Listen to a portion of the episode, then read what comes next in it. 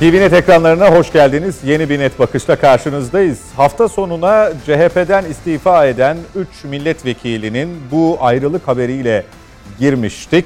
İstifa haberine ilişkin birçok değerlendirme yapıldı. Dün de Muharrem İnce kendisinin de partiden istifa edeceğini belirtmekle beraber bu 3 ismin yeni kurulacak partide yer alacağını kamuoyuyla paylaştı. Bugünse İnce'nin seçim bölgesi Yalova'dan 350 isim CHP'den ayrıldığını, istifa ettiğini açıkladı. Biz tabii öncelikle gündemimizi CHP'li 3 vekilin istifası ve sonrasında yaşanacaklar üzerine kurmuştuk. Ancak Cumhurbaşkanı Recep Tayyip Erdoğan'ın geçtiğimiz dakikalarda yaptığı açıklamayla gündemin yönü bir anda değişti. Yeni anayasa çıkışında e, bulundu Cumhurbaşkanı Erdoğan. Eğer e, Cumhur İttifakı'nın diğer ortağı MHP ile uzlaşabilirsek yeni anayasa konusunda adım atabiliriz. Bu işin vakti geldi dedi. Biz de bu konuyu önceleyeceğiz. Hemen konuklarımı tanıtayım sizlere. Mete Yarar her hafta olduğu gibi bizimle birlikte İstanbul Stüdyo'da hoş geldiniz. Teşekkürler sağ olun. Onur Erim uluslararası siyaset uzmanı bizimle birlikte hoş geldiniz Onur Bey. Hoş bulduk. Mücahit Bey bu akşam Ankara'dan katılıyor yayınımıza. Mücahit birinci hoş geldiniz. Hoş bulduk. Evet Skype bağlantısıyla bir konuğumuz daha var. Profesör Doktor Zakir Avşar, Hacı Bayram Veli Üniversitesi öğretim üyesi. Hocam siz de hoş geldiniz Net Bakış'a. Çok teşekkür ediyorum. İyi akşamlar diliyorum. Teşekkürler. Mücahit Bey Ankara'dan sizinle başlayalım. Bu yeni anayasa çıkışı aslında e, bir anda sürpriz oldu. Biz e, kabine toplantısının ardından özellikle koronavirüs tedbirleriyle ilgili açıklamalar beklerken bir anda gündemin yönü değişiverdi Cumhurbaşkanı'nın açıklamalarıyla. Yeni bir anayasayı tartışma vakti geldi dedi Sayın Erdoğan. Ee, bir yandan da tabii biz hukuk ve ekonomi alanında açıklam detaylarının açıklanmasını beklediğimiz e, reform çalışmasını da onun hazırlığını da konuşuyorduk. Şimdi anayasayla aslında daha kapsamlı bir durum, bir tablo ortaya çıktı. Neler söylersiniz öncelikle? Öncelikle size ve stüdyodaki stüdyodaki e, stüdyodaki e, arkadaşlarıma e, iyi akşamlar diliyorum Ankara'dan. Şimdi tabii bunu ben şöyle değerlendiriyorum. Yani bu hukuk reformu, ekonomik reform ve anayasa paketini birlikte değerlendirmek lazım. Anayasanın tabii Sayın Cumhurbaşkanımızın buradaki beyanları çok net e, bu e, muhalefet partileri tarafından da zaman zaman dile getirilen bir hadiseydi. E, anayasanın yeni yenilenmesine ihtiyaç vardı. Nasıl ihtiyaç vardı? Tabii bu e, darbe ürünü anayasalardan Türkiye çok çekti. Yani Türkiye'nin demokratikleşmesinin önünde vesayetçi bir sistem öngören adeta vesayetçi bir ruha sahip olan bir anayasadır. E, bu e, mevcut anayasa. E, dolayısıyla 80 darbesiyle gelen bir anayasadır. Bir plebisit e, tarzı e, bir referandumla e, gerçi milletin e, büyük çoğunluğunun e, teveccüh ettiği gibi gözükse de e, ne propaganda yapılabilmiştir, ne karşı propaganda yapılabilmiştir, ne sivil toplum örgütlerinde bu maddeler tartışılabilmiştir. Hiçbir şey yapılmamıştır. Yani bir anayasanın ortaya çıkmasının şartları bu anayasada mevcut değildir. Ve diğer işte muhalefet partileri bunu sık sık dile getirmişlerdir sürekli bir şekilde. Kişisel hak ve özgürlükler noktasında anayasada bazı sıkıntılar vardır. Hala temel haklarda bazı sıkıntılar açmazlar vardır. E, biraz fazla kazüstik bir anayasadır. Yani maddelere boğulmuştur. Çok detaylı bir anayasadır. Karmaşık bir anayasadır. Dil olarak da e, iyi bir e, Türkçesi yoktur anayasanın maalesef. Dolayısıyla bu anayasa çeşitli merhalelerde, çeşitli zamanlarda değiştirile gelmiştir. Yani eski anayasanın hemen hemen maddesi kalmamıştır. İlk dört madde haricinde tabii değiştirilemez maddeler haricinde. Diğer maddeler büyük oranda değiştirilmesine rağmen Anayasanın ruhu maalesef o işte vesayetçi sistemin ve darbenin izlerini taşımaktadır. Türkiye için gerçekten bu bir ihtiyaçtır. E, tabii bizim de hayalimizdir. Türkiye'nin de hayalidir. Böyle bir anayasadan kurtulup e, yeni Türkiye'nin e, ufkuna, Türkiye'nin stratejilerine, tezlerine ve Türkiye'nin geleceğine, e, gelecek nesillere uygun, demokratik e, bir anayasa ihtiyaç duy, duyuyordur Türkiye, duy, duymuştur ve dolayısıyla inşallah bu ee, Sayın Cumhurbaşkanımızın tabii çalışma falan henüz ortada yok. Bu çalışmaları hep beraber göreceğiz. Ee, biz de o konuda fikirlerimizi serdederiz çalışmalar ortaya çıktıkça. Fakat ben burada genel bir konsensüs olacağı kanaatindeyim. Çünkü muhalefetin talebi de çeşitli defalarda dile getirmişlerdi, getiriyorlardı. çeşitli programlarda bunları sürekli muhalefet partisinin temsilcileri söylüyorlardı. Yeni anayasaya ihtiyaç var diye. Herhalde buna kendileri katkı ve destek verecektir diye düşünüyorum.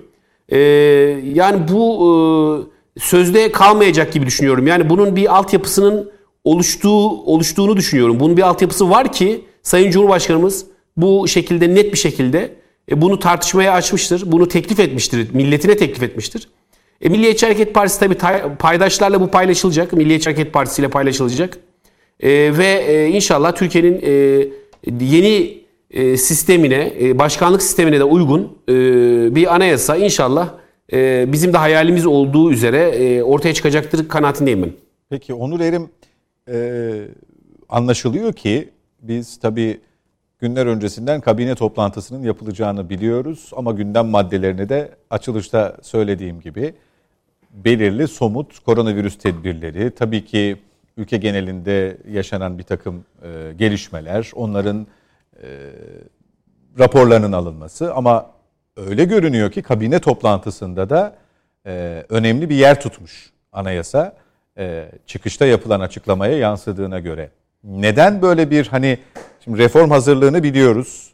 E, bir yandan da tabii sistem tartışmaları 2-3 e, hafta öncesine kadar ki ara ara yine televizyon programlarında da tartışılıyor, basına da yansıyor, kulis bilgilerinde de var. Ama birden böyle bir değişiklik, e, anayasa, yeni bir anayasaya ihtiyaç değişikliğini birden duyuşumuzun sebebini neye bağlıyorsunuz? Şimdi siyasi iktidar, Sayın Cumhurbaşkanı e, bazı konuları çok ölçerek biçerek zamanlamasını ortaya koyuyor. Bazıları çok acil elzem durumlar ortaya koyuyor. Bakarsanız Türkiye'nin e, sıfırdan yeni bir anayasa ihtiyacı aslında çok uzun dönemden beri çok elzem bir ihtiyaç.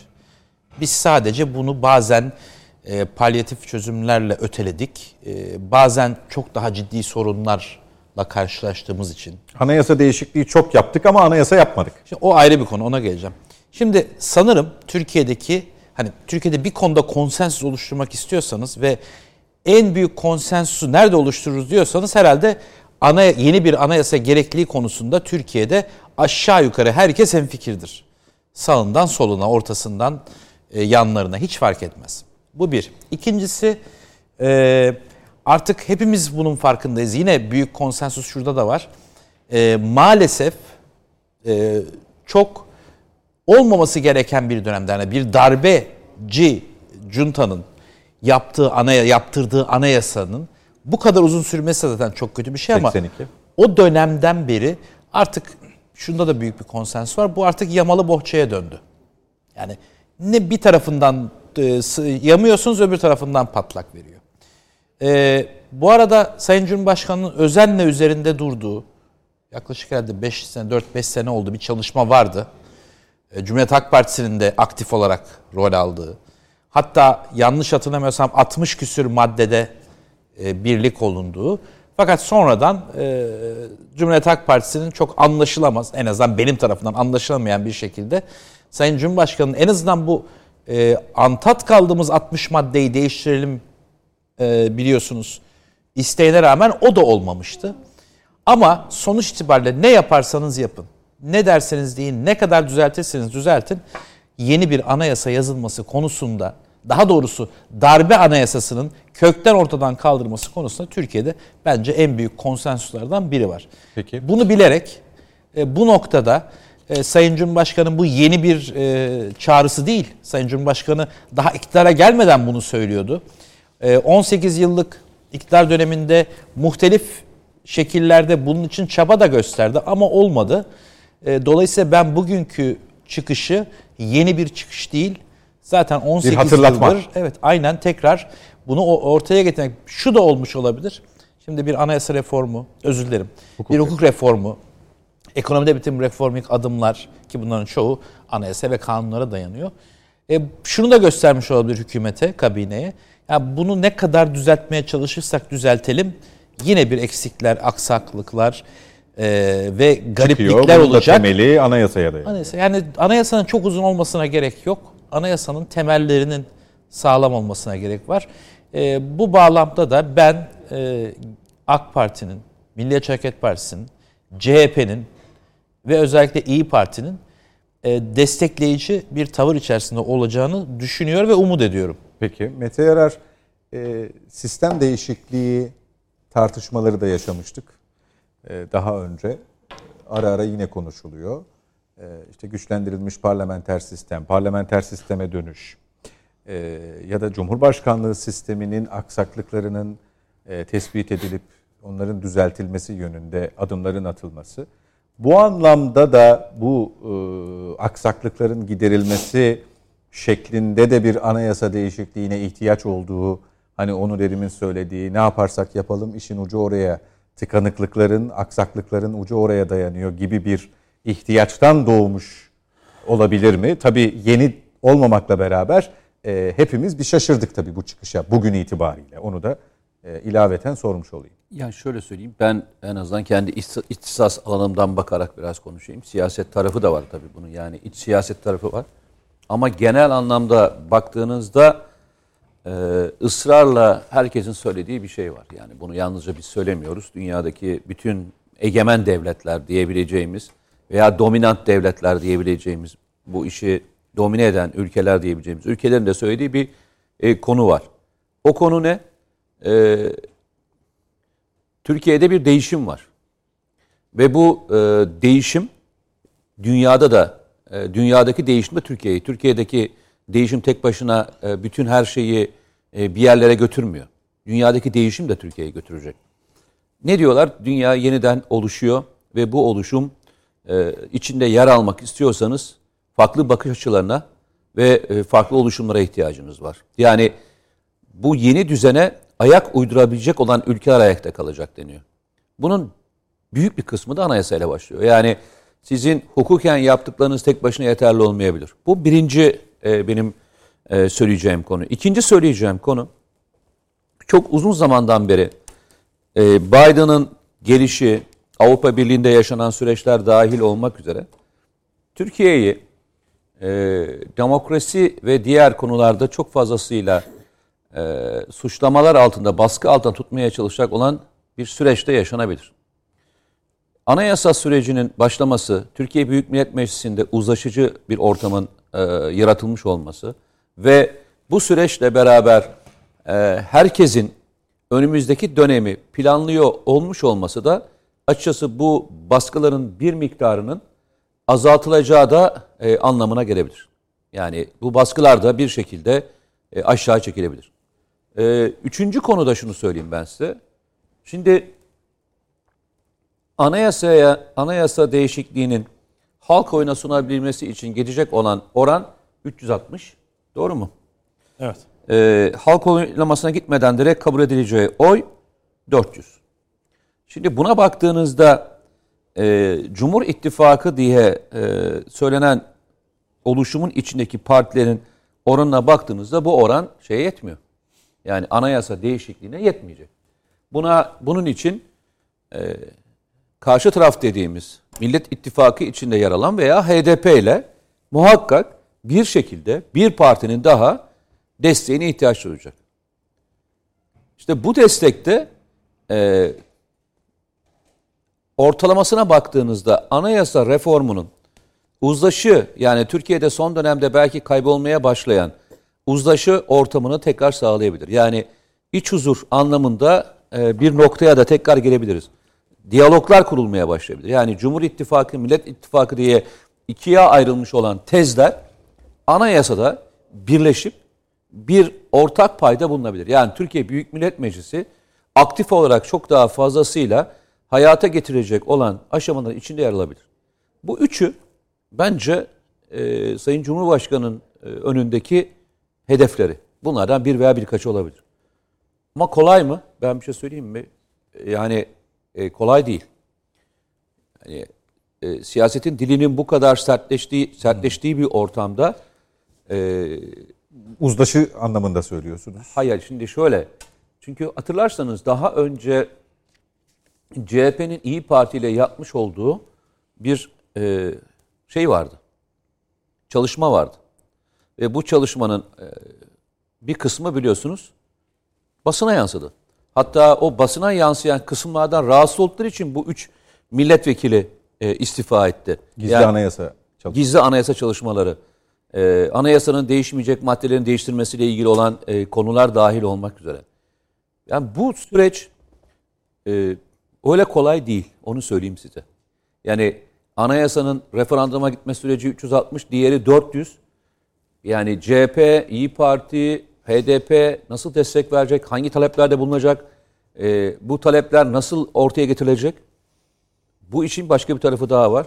Eğer ortam sertleşirse ittifaklar içerisinde kopmalar bile yaşanabilir. İki ittifaktan da e, anayasaya getirecek olan tekliflerin e, şey yapılmaması, kabul görmemesi veya e, ortağından daha farklı bir şekilde e, istekte bulunması Öyle ya da ortama- böyle değerlendirmeye tabi tutulmaması. e, açıkçası e, olayı başka bir yere götür. Ama eğer başarılabilirse anayasa reformu, e, anayasal anlamda reformist bir çalışma yapılabilirse ve bu reformist çalışma yalnızca birkaç maddeyi değil, genel anlamda, bütünsel anlamda bir değişikliği e, eğer ortaya koyabilirse de Türkiye için, özellikle Türkiye Cumhuriyeti Devleti için, hepimiz yaşayanları için e, belki uzlaşıyı tekrar e, Türkiye Büyük Millet Meclisi'ne getirebilir diye değerlendiriyorum. Ama bir kez daha söylüyorum. Çok zor. Çok zor demeyelim. Zor. Kolay, kolay değil diyelim. Kolay değil. Yani kolay daha, değil diyelim. Daha Kolay. iyimser bir ifade. Tabii tabii kolay değil diyelim ama e, inşallah yollar açık olsun. Evet Zakir Hocam siz ne düşünüyorsunuz bu konuda? Ee, biraz karanlıkta kalmışsınız. Sizi seçmekte güçlük çekiyorum ama e,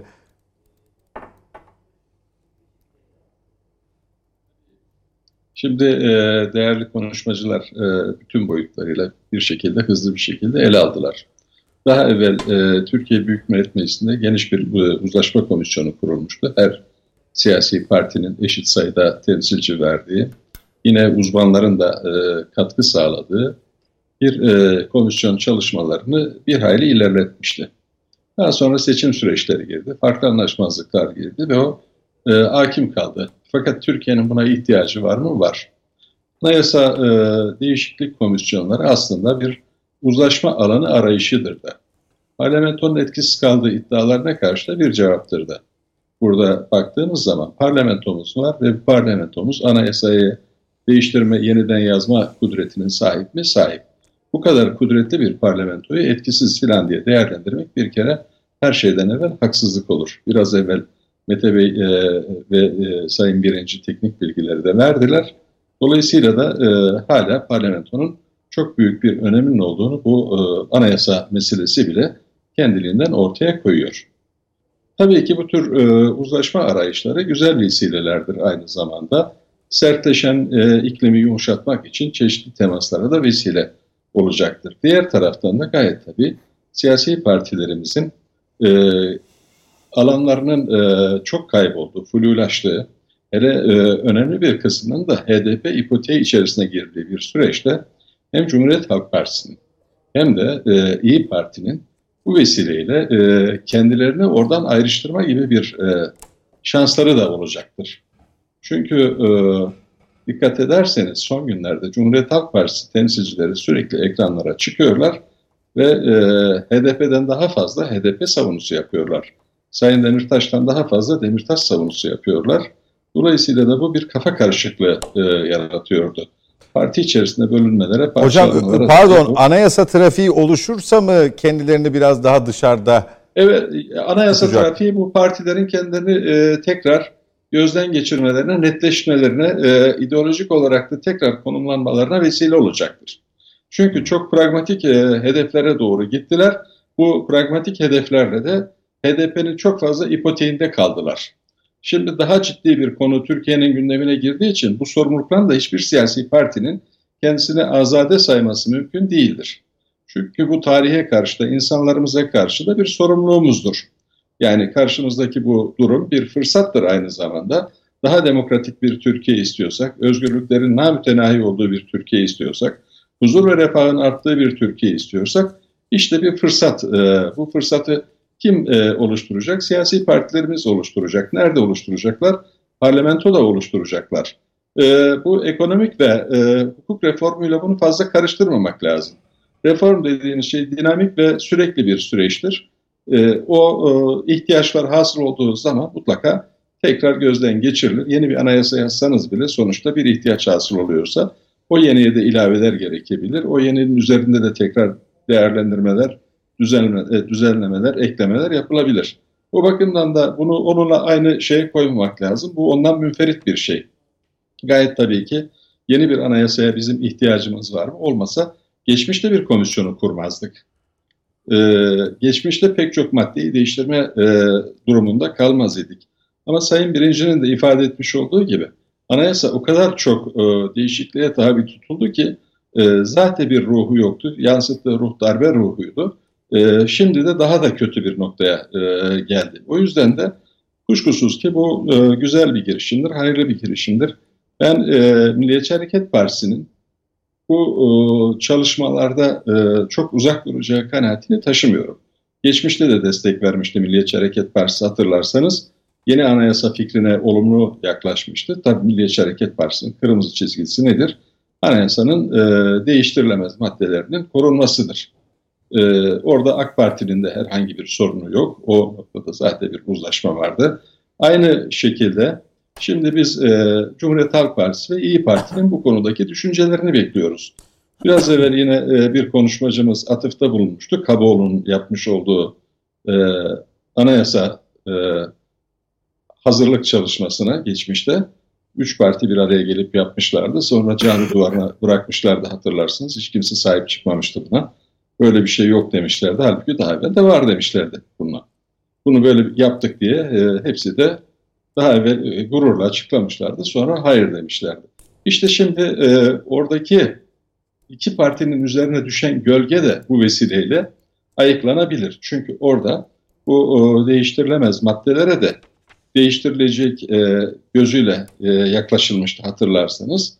Anayasanın e, o maddeleriyle ilgili bir hayli tartışma yaşanmış idi. Şimdi e, hem Cumhuriyet Halk Partisi açısından hem İyi Parti açısından Sayın Cumhurbaşkanı'nın bu önerisi bir fırsattır benim kanaatimce. Yani Milliyetçi Hareket Partisi burada çizgisini her zaman e, ortaya koymuştur. AK Parti de yaklaşımını ortaya koymuştur. Peki hocam Orada bir e, Sayın Cumhurbaşkanı'nın açıklamasında ittifak ortağımız MHP ile uzlaş, e, uzlaşırsak şayet bu konuda adım atarız e, ifadesi bir endişe kaynağı olarak yorumlanmamalı mı? Hayır, Sizin... hayır, hayır. Yani karşılıklı bir hukuka saygı ifadesi o. Yani, yani bu ilk dört madde hadisesi de gündeme gelse bir kaygı durumu şimdi, söz konusu değil diyorsunuz. Şimdi anayasa dört maddeden ibaret bir şey değil biliyorsunuz. Bu dört maddeyle ilgili olarak Milliyetçi Hareket Partisi'nin e, kanaatinde bir değişiklik olmaz. Yani o çok net açık bir şey. Geçmişte de e, bunu çok e, açık bir şekilde, sert bir şekilde ifade etti. Netice itibariyle o anayasa komisyonu toplandığı zaman da bu çerçevede toplantılarını yapıyordu hatırlarsanız. Ee, daha sonra ortaya atılan Kaboğlu e, anayasa e, hazırlık çalışmaları, onlar bir taslak yok filan diyor, bir çalışma toplantı yaptık diyorlar hatırlarsanız. Onların terminolojisiyle ifade edeyim. O e, çalışmalar bu dört maddeyi de e, ortadan kaldıran çalışmalar biçiminde e, gerçekleşmiş idi hatırlarsanız. O yansıyan metinlerden görürseniz. Dolayısıyla da şimdi burada hem İyi Parti'nin hem de Cumhuriyet Halk Partisi'nin esas duruşlarını belletmesi gerekiyor. Çünkü Kaboğlu'nun çalışmasına hem AK Parti'den hem de Milliyetçi Hareket Partisi'nden eleştiriler geldi. Ee, İyi Parti biz bu çalışmada yoktuk demek durumunda kaldı. Kaboğlu ısrarla şu şu isimler katıldı diye o iddiasını e, tekrar vurguladı. Cumhuriyet Halk Partisi daha sonra e, çok çeşitli açıklamalar yaptı. Evet böyle bir şey yaptıydık ama bu sadece Sayın Kaboğlu'nun çalışması. Şöyledir, böyledir. Bir sivil toplum örgütünün çalışmasıdır gibi izah etmeye uğraştı. İşte onlar açısından da tarihsel bir sorumluluktur. Cumhuriyete Peki. nasıl bakıyoruz? Ülkemize, devletimize, bölünmez bütünlüğümüze, üniter yapımıza nasıl bakıyoruz? Onlar açısından da gayet güzel bir e, kendilerini ifade edecekleri, özellikle Cumhuriyet Halk Partisi'nin böyle bir parçalanma sürecinde e, kurucu değerlerden uzaklaşmadığını bir şekilde ortaya koyabileceği bir vasat doğmuştur. Sayın Cumhurbaşkanı aslında onlara çok büyük bir alan açmıştır benim kanaatimce. Anladım yani hocam. bu bu fırsatı CHP ve İyi Parti'nin iyi değerlendirmesi gerekir diye düşünüyorum. Anladım. Bu vesileyle de Türkiye çok demokratik, modern, bir e, anayasaya da sahip olabilir. Peki. Ee, Mücahit Birinci ile devam edeceğim. Ee, bu e, anayasa konusuyla ilgili zannediyorum e, söylenecekler söylendi. Geçelim e, CHP'deki ince kopuşa. Şimdi e, istifaların ardından gözler Muharrem İnce'ye çevrilmişti Mücahit Birinci. E, nitekim hafta sonu o açıklama geldi. Ben de istifa edeceğim. Bu isimlerde e, bizim hazırlığını yaptığımız, kurmak için hazırlığını yaptığımız partiye dahil olacaklar dedi. Bugün o bölgeden 350 CHP üyesi istifa etti Yalova'dan. E, tabii merak edilen e, konu şu, e, bu istifaların arkası gelir mi? E, sıcağı sıcağına istifaların hemen ardından Cumhuriyet Halk Partisi'nden yapılan açıklamada e, bu işin planlı programlı olduğu şeklindeydi ki Sayın Cumhurbaşkanı bunlara hem o, o gündüz hem de bugün kongreler vesilesiyle bağlandığı e, video konferanslarda cevap verdi. Ne olursa olsun bizden biliyorlar dedi. E, siz neler söyleyeceksiniz bu bahse ilişkin?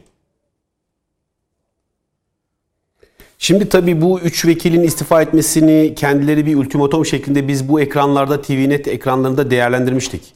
Ultimatom şeklinde bir mektup yazmışlardı.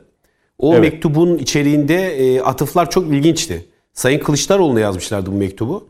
Kılıçdaroğlu da bu mektuba karşılık işte kapım açık niye mektup yazıyorlar ki bana? Genel başkana mektup yazılmaz görüşülür dedi. E, Ama ben e, görüşme taleplerinin olduğu fakat Kılıçdaroğlu tarafından e, bir şekilde savsaklandığı ve kabul edilmediği kanaatindeyim ki böyle bir yola başvurdular. Veya e, vekiller yani vekiller kamuoyuyla da paylaşabilir fikirlerini, partiyle alakalı fikirlerini. Bu gayet doğaldır. Yani ins- illaki insanları randevu randevu almak durumunda bırakmak da yanlış. Kendilerinin bir fikirleri var ve bu fikirleri deklare ediyorlar. Şimdi bu e, mektubun içerisinde ne vardı? Mektubun içerisinde bir e, üniter devlet atfı vardı. Yani e, bu Atatürk ilke ve inkılaplarına ve Atatürk'ün çizdiği ufka e, bir atıf vardı. E, partinin Atatürkçülükten tırnak içerisinde kendi beyanları, Atatürkçülükten uzaklaştığına ilişkin beyanları vardı. Bu haksız da sayılmaz. Yani bu eleştiri sadece Cumhuriyet Halk Partili vekiller tarafından yapılan bir eleştiri değil.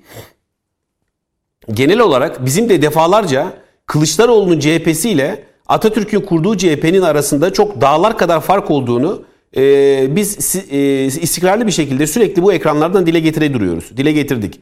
E, vatandaşlarımızın büyük bir kısmı da bunu zaten görüyor. Şimdi e, bu itirazlarda bir başka vurgu da HDP'ye ilişkin bir vurguydu. Bu HDP'ye ilişkin vurgu neydi? Biz HDP yani HDP elitlerinin e, kendi beyanlarına göre HDP elitlerinin e, aracılığına Kür- e, Kürtlerle Kürt kardeşlerimiz de bu HDP elitlerinin aracılığıyla buluşacak değiliz. Cumhuriyet Halk Partisi kendi dinamikleriyle e, bu insanlarla vatandaşlarımızla buluşabilir niteliğinde bir itirazları vardı. Yani HDP ile bu iş tutmayı e, benimsememiş bir e, grup görüyoruz 3 vekil arasında. Ben tabii o zaman da dile getirdim. Yani bunun devamının geleceği belli.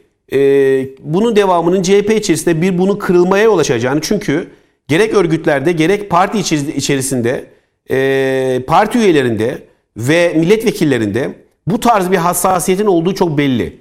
E, şimdi tabii bunun işi işin ucu nereye dokunuyor biliyor musunuz? Bakın İstanbul İl Örgütü Cumhuriyet Halk Partisi için e, çok kritik bir örgüttür. Şu anda İstanbul İl Örgütü'nün başındaki Kaftancıoğlu da çok kritik bir isimdir. Dolayısıyla ben her zaman şunu söylüyorum. Bakın bu rahatsızlığın bu rahatsızlığın e, kümelendiği yer Kaftancıoğlu'nun çevresidir. Kaftancıoğlu ve ekibidir bu rahatsızlığın kümelendiği yer. Çünkü e, düşünsenize bir Cumhuriyet Halk Partisi Atatürk'ün kurduğu Cumhuriyet Halk Partisi'nin bir il başkanı kalkacak diyecek ki e, Atatürk soyadını kullanmaktan evet şu şu sebeplerle e, ben rahatsız oluyorum kullanmayı tercih etmiyorum diyecek. E, şimdi bu tabii ciddi kırgınlığa yol açar. Gerek seçmende gerek Cumhuriyet Halk Partisi üyelerinde ve yetkililerinde ve birçok milletvekilinde kendilerini Kemalist ve Atatürkçü olarak nitelendiren milletvekillerinde ciddi bir kı- kırgınlığa yol açar, yol açmalıdır. Yol açmıyorsa bir sıkıntı vardır.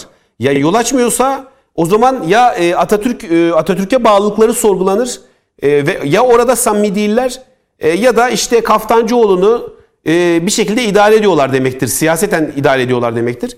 Şimdi benim şöyle bir iddiam var. Kaftancıoğlu sadece Cumhuriyet Halk Partisi'nin il başkanından ibaret değildir. Kaftancıoğlu orada bir konsensüsün il başkanıdır. Bir uzlaşının il başkanıdır. Bir, bu uzlaşının içinde kim kim var biliyor musunuz? Bir, e, Kılıçdaroğlu'nun sık sık dile getirdiği dostlar var ya dostlar. İşte o konsensüsün içinde, uzlaşmanın içinde o dostlar var bu bir. İki, e, HDP var mesela o konsensüsün içinde. Üç, diğerleri var. Diğerleri kim biliyor musunuz? Şu diğerleri.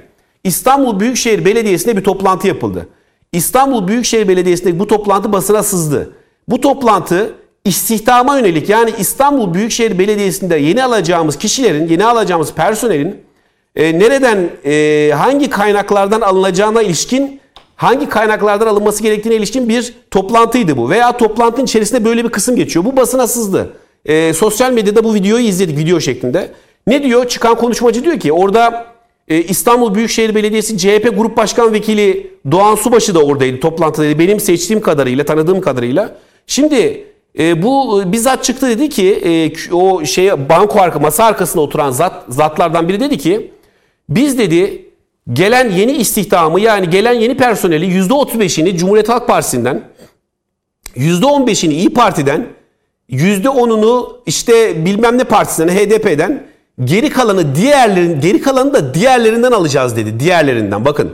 Şimdi o diğerleri kim acaba? Soru bu. Şimdi o diğerleri kim biliyor musunuz? İşte o Kaftancıoğlu'ndaki konsensüsü sağlayan diğerleriyle o diğerleri aynı işte. Onu demeye çalışıyorum. Dolayısıyla bu bir konsensüs konsensüsün başında Kaftancıoğlu var. Kaftancıoğlu ve ekibi ciddi eleştiri bombardımanı altında Cumhuriyet Halk Partisi'nden. Bu kamuoyuna çok fazla yansımasa da böyle bir rahatsızlığın dile geldiği belli. Ama her zaman bakın şunu iddia ediyorum. Kaftancıoğlu bu kadar rahatsızlığa sebep olmasına rağmen Cumhuriyet Halk Partiler tarafından ekranlarda eleştirilmesine rağmen o eski eski Halk Partililer tarafından hani aileden yedi göbekten Halk Partili olanlar tarafından ciddi eleştirilmesine rağmen Kılıçdaroğlu'nun Kaftancıoğlu'nu görevden alma gücü yoktur. Bakın net bir şekilde ifade ediyorum. Neden? Kılıçdaroğlu Kaftancıoğlu'nu İstanbul İl Başkanı'na alamaz. Çünkü ona bağlı değildir. Bir konsensüsün il başkanıdır. Biraz önce ifade ettiğim gibi. Tek başına karar vereceği bir hadise değildir Kılıçdaroğlu'nun. Kılıçdaroğlu ne pahasına olursa olsun partiye kan kaybettirdiği belli olan şu anda. Partiye kan kaybettirdiği özellikle Atatürkçü kendisini Atatürkçü olarak niteleyen, vatansever olarak, vatanı seven olarak nitelendiren, Türkiye'nin üniter yapısından taraf olan, seçmende ciddi kırgınlar yol açmasına rağmen, örgütlerde tartışılmasına rağmen karınla karından konuşulması, bak kar, karından konuşuyorlar belki şu anda çok fazla yansımıyor ama biz bunlardan haberdarız. Bak bunlara rağmen özellikle işte o cinsel saldırı olaylarının bastırılması hususunda çok ciddi rahatsızlıklar oldu CHP örgütlerinde. Bunlara rağmen e, Kaftancıoğlu'nu görevden alacak kudret Kılıçdaroğlu'nda yoktur onu söyleyeyim. Peki bu istifalar konusunda genel merkezin e, takınacağı tavır e, ilk çıkışta e, oldukça sert bir e, ne diyelim e, açıklamada bulundu Özgür Özel. E, topu külliyeye kadar vardırdı. E, istifaların arkası gelir mi? Çok kısa. Benim kanaatim evet bunun arkası gelir. Yani bu Özgür Özel'deki paniğin sebebi de o panik hadisi halidir o. O paniktir. Dolayısıyla yani e, Ya beklemedikleri işte, bir şey mi oldu her sizce? şeyi yani bunu sürekli o mektup olayından sonra falan tahmin ediyorlardı herhalde. Valla ben bekleyip beklemedikleri benim umurumda değil. Yani Özgür Özel'in beyanları da umurumda değil. Şöyle umurumda değil. Yani e, sürekli sağa sola sallanarak, sürekli külliyeyi işaret ederek ya biz siyaset üretme peşinde. Ya bırakın külliyeyi mülliyeyi ya kendi içinize bakın. Bakın il başkanınızın ne halde olduğuna bakın. Büyük şehirleri kazandılar, büyükşehir belediye başkanlıklarını kazandılar ama büyük şehirlerin haline bakın bir. Onları bir değerlendirin yani. Öyle sağa sola sallanmakla, şuna buna e, çamur atmakla, işte bütün topları külliyeye atmakla bu şekilde olmaz. Siyaset bu şekilde olmaz. Peki. Kendi iç dinamiklerinizde arayacaksınız. Bakın biz nereden nereye savrulduk diyeceksiniz. Atatürk sadece kravata basılan resimden ibaret değil diyeceksiniz. Rozetten ibaret değil diyeceksiniz. Libya'yı anlayacaksınız. Suriye'nin kuzeyini anlayacaksınız. Hatay'ı anlayacaksınız. Yoksa olmaz sizden bir şey. Öyle sallanarak muhabbet olmaz. Öyle öyle, öyle bir e, siyaset olmaz. Peki Onur Erim, CHP ve istifalar? Zaman gösterecek. Şöyle ki e, tabii ki bu üç istifanın geliş zamanı, şekli, vakti Şimdiki önemli. zaman Ee, yani CHP'nin içini de daha doğrusu içinde biliyoruz hepimiz bir takım sıkıntıların olduğunu. Bu sıkıntıların da son dönemde arttığını da biliyoruz. Ne derecede olduğunu göreceğiz. Şimdi net bir şey söyleyeyim. Ee, yani daha sonunda söyleyeceğim, başta söyleyeyim. Eğer bu üç milletvekili e, öncelikle eğer Sayın İnce partiyi kurarsa ki kuracak gözüküyor açıklamalarından. Eğer bu üç milletvekili bu partiye katılırsa ve şu anda da olmasına gerek yok. 2023 seçimlerine giden yolda bu parti e, grup kurarsa sıkıntı o zaman. Çünkü Muharrem İnce'nin grup kurabildiği takdirde yani bunu hemen 6 ayda yapmasına gerek yok. Grup kurabildiği takdirde Cumhuriyet Halk Partisi'nin Türkiye'nin birinci muhalefet, ana muhalefet partisi olmama ihtimali yükselir. Çok net. Çünkü çok ciddi Cumhuriyet Halk Partisi içinde isyanlar var. Cumhuriyet Halk Partisi'nin e, genel kodlarına e, la artık yerle yeksan olmuş durumda. Bu sadece şeyle alakalı da değil. Canan Kaftancıoğlu'nun hal, tavır ve söylemleri alakalı da değil. E, maalesef çıkıyor. E, bu arada herhalde Muharrem Bey Özgür Bey'e teşekkür ediyordur. Saray yakıştırması yaptığı için. E, çünkü e, Muharrem Bey'in ekmeğine çok siyasi olarak yağ sürer bu. E, Zannetmiyorum teşekkür Yok yok edeceğim. bakın görürsünüz. Şimdi e, Cumhuriyet Halk Partisi kolayı yapıyor. Yani birazcık kendilerine, Bu tip Kılıçdaroğlu'na sarayla, külliyeyle ilişkilendirilmesinden son derece rahatsız. Benim bildiğim tabii ki rahatsız İnce. ama şöyle bir şey var. Siz şimdi bakıyorsunuz e, Cumhuriyet Halk Partisi'nin üst yönetimine uzun bir zamandır gene Muharrem Bey'le başlamıştı. O saraya giden siyasetçi davasına ki Muharrem Bey Cumhuriyet Halk Partisi'ne zarar vermemek için o işi soğuttu. E şimdi halkta bakacak. Sonuçta Cumhuriyet Halk Partisi seçimi oldukça akıllı, oldukça siyasi takip eden ve bizim bildiğimiz kadarıyla vatansever bir grup. Ha başka bir bir, şey söylüyorsunuz siz. Şu, şu an yani bu kopuşların sebebi CHP'nin içindeki kaynayan kazan olmasın da ne olursa olsun gibi bir algı. Onu yapmaya çalış. Şimdi halk da görecek. Ya bir dakika kardeşim siz bu kadar tabiri caizse özür dilerim halt ediyorsunuz. Halt yiyorsunuz. Öbür tarafta sizin yani bu adamların hepsi mi kötü? Bu adamların hepsi mi saraycı? Bu ki belli ki Cumhuriyet Halk Partisi bunun dışına bir argüman geliştiremeyecek. Cumhuriyet Halk Partisi'nden olası kopuşlar için. E bu da bir zaman sonra ters tepmeye başlar. Ki bence başlıyor. Hatta başladı. Ne zaman başladı biliyor musunuz? Muharrem Bey ne zaman geri adım attı saraya giden kişi olayında? Muharrem Bey o olayı. O olayın Muharrem Bey üzerine gitseydi çok ciddi zarar verirdi Kemal Kılıçdaroğlu'na, üst yönetime. Ama Cumhuriyet Halk Partisi'ne de zarar vereceğini bildiği için diye tahmin ediyoruz. Geri adım attı. Bunu şimdi zaman gösterir. Ee, Cumhuriyet Halk Partisi'nde kopuşların olmaması yani düşünülemez bir şey. Düşünün sizin hiyerarşik olarak kuvvetle muhtemel bana göre Türkiye'deki üçüncü veya ikinci büyük postunuz İstanbul İl Başkanınız Atatürk adını ağzına almaktan imtina ediyor. Yani sözün bittiği yer bana göre. Hani Cumhuriyet Halk Partisi için böyle. Ben şahsen hayatta en son imtina edeceğim, hiçbir zaman imtina edeceğim şeylerden bir tanesi değil. Ama beni geçtim ben şahsen, şahsen siz de bunu söyleyebilirsiniz. Mete Bey de söyleyebilir. Fakat Cumhuriyet Halk Partisi'nin kurucu genel başkanını, bu ülkenin kurucu liderini Atatürk olarak anmayanı bırakın il başkanı, bizim bildiğimiz Cumhuriyet Halk Partisi üye bile yapmaz. Ama Cumhuriyet Halk Partisi nerelerde görüyorsunuz? Sonuç itibariyle e, zaman gösterecek ama bu gidişatla Cumhuriyet Halk Partisi'nin üst yönetimi özellikle Kemal Kılıçdaroğlu Sayın Mücahit Bey'in de söylediği gibi ne bu gidişten kurtulabilirler çünkü bana göre refleksleri ve kararları ve konuşmaları ciddi bir kısmı belli ki manipüle ediliyor. Cumhuriyet Halk Partisi örgütleri dışından bir kişi, grup, örgüt vesaire her neyse.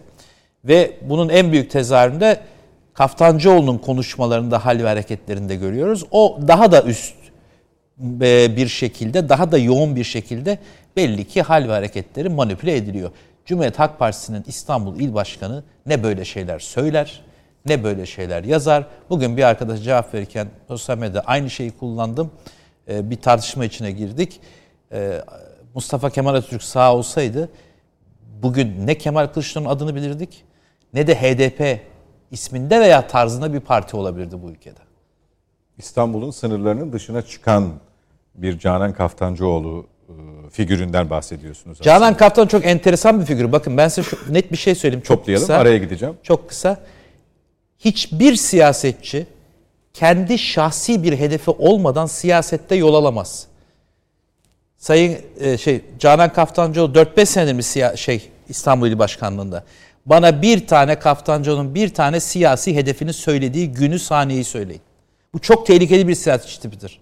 Hedefi olmayan siyasetçi olmaz. Bir siyasetçinin hedefi yoksa şahsi hedefi yani ben şuraya geleceğim şunu yapacağım. Kariyer, siyasi, Siyasi kariyer, kariyer, hedefi. o zaman o şahısın e, oturduğu koltukta oturma sebebi farklıdır. Peki.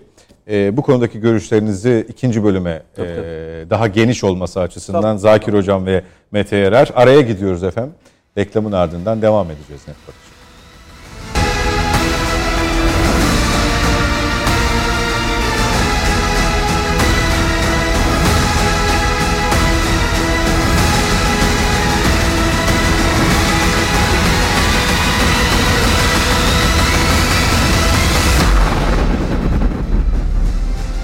Yeniden birlikteyiz. Net Bakış'a devam ediyoruz. Mete Yarar, Mücahit Birinci, Zakir Avşar ve Onur Erim'le birlikteyiz.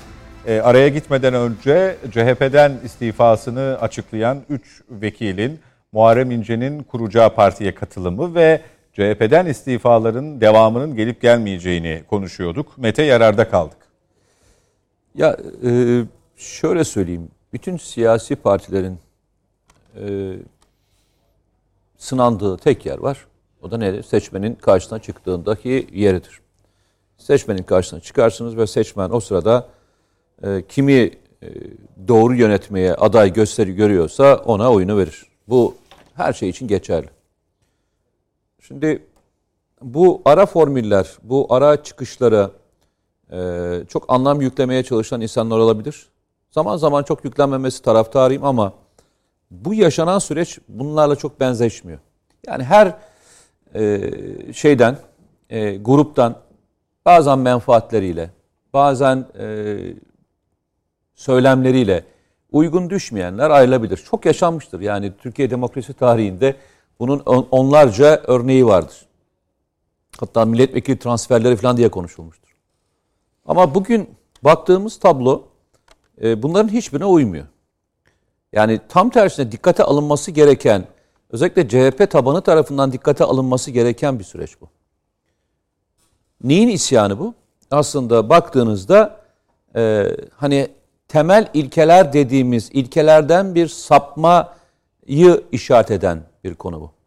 Şey söylemiyor yani e, siz şunu yaptınız, siz bunu yaptınız demiyor. İlk kurulan CHP ilkeleri diyebileceğimiz altı okla ilgili olan sürecin içerisinde yalnızca CHP'ye değil aynı zamanda e, ülkenin bekası içinde tehlike oluşturacak olan bazı söylemlere işaret ediyorlar ayrıldılar. Şey değil ki yalnızca söylemleri şöyle değildi ki yani biz parti içerisinde demokratik demiyor ki ülkenin geleceğiyle ilgili üniter devletle ilgili problemler yaşanabileceği de vardı o mektubun içerisinde. Hatırlarsan. 29 Ekim ruhu diyor.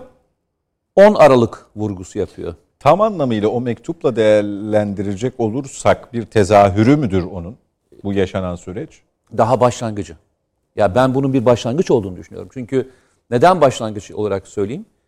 Ee, Mehmet Ali Çelebi ve arkadaşları veya işte e, baktığınızda Muharrem İnce ve onun etrafında e, oluşanlar tek başına değil ki.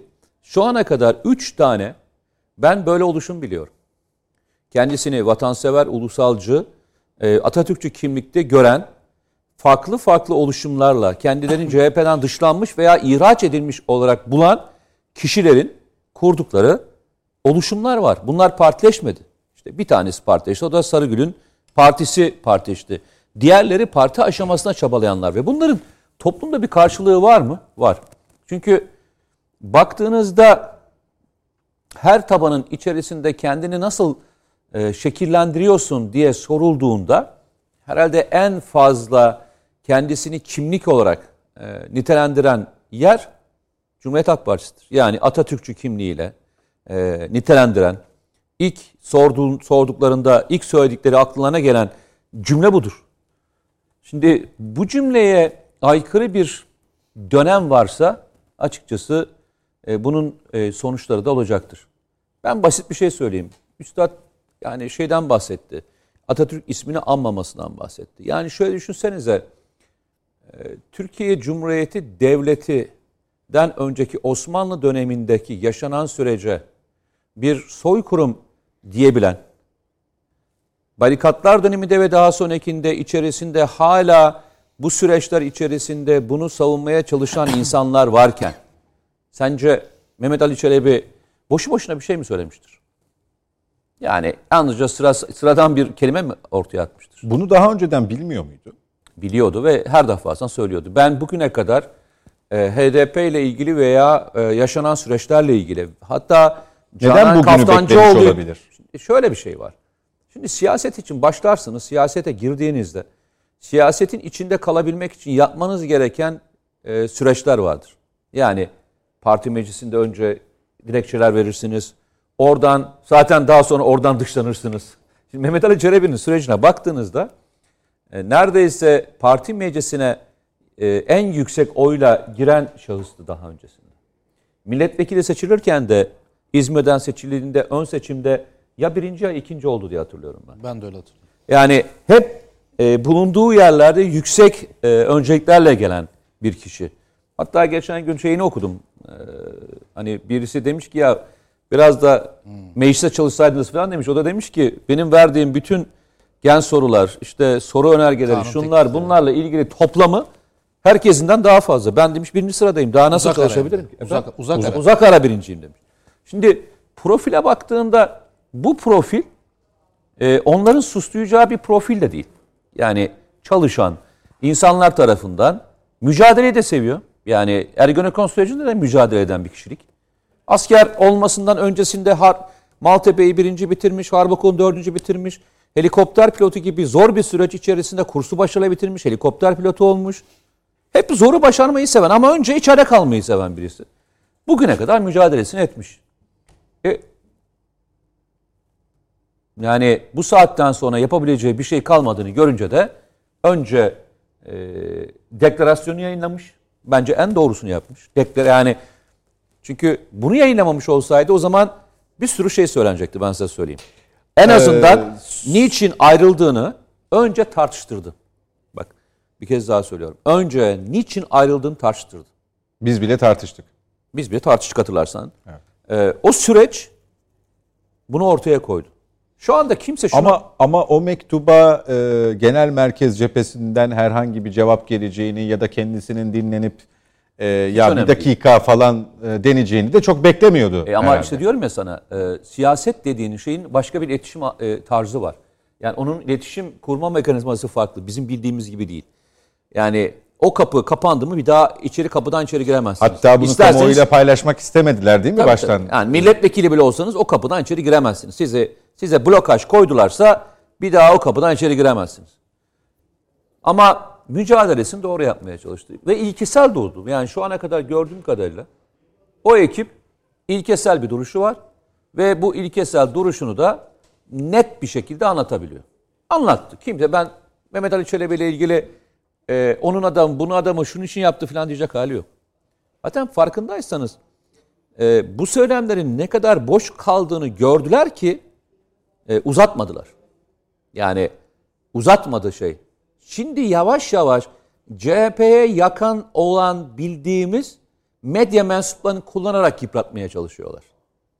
Mehmet Ali Çelebi'yi bu sefer o tarzdan vurmaya başladılar. Medya mensupları belli kanallar üzerinden. Belli kanallar özellikle üzerinden bunun üzerine gitmeye çalışıyor. Ama bakın bir kez daha söylüyorum. Mehmet Ali Çelebi'nin söyledikleri yalnızca CHP için kaygı uyandıracak söylemler değildi. Ülke için de kaygı uyandıracak söylemlerdi.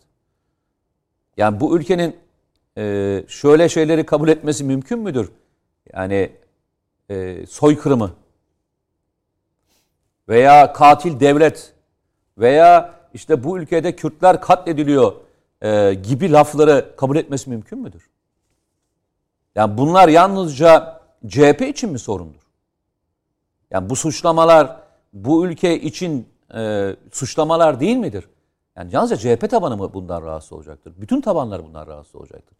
Kendisini Kürt hisseden de, farklı mezhepten hisseden de, farklı din, din grubundan hisseden de, farklı siyasal kimlik içerisinde de hissedecektir.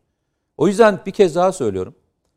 E, CHP'nin oy aldığı tabana, tabanın değişimine ve sosyolojisine çok da çok uzak olduklarını düşünüyorum. Yani bugünkü terminolojiye bakan grup e, belediye seçimleri üzerinden veya e, Erdoğan karşıtlığı, Sayın Cumhurbaşkanlığı karşıtlığı üzerinden oluşturulan konsensüsün CHP'nin konsensüsü olduğu zanneden bir grup var. Bu birbirinden çok farklı şeyler. Çünkü şöyle düşünün.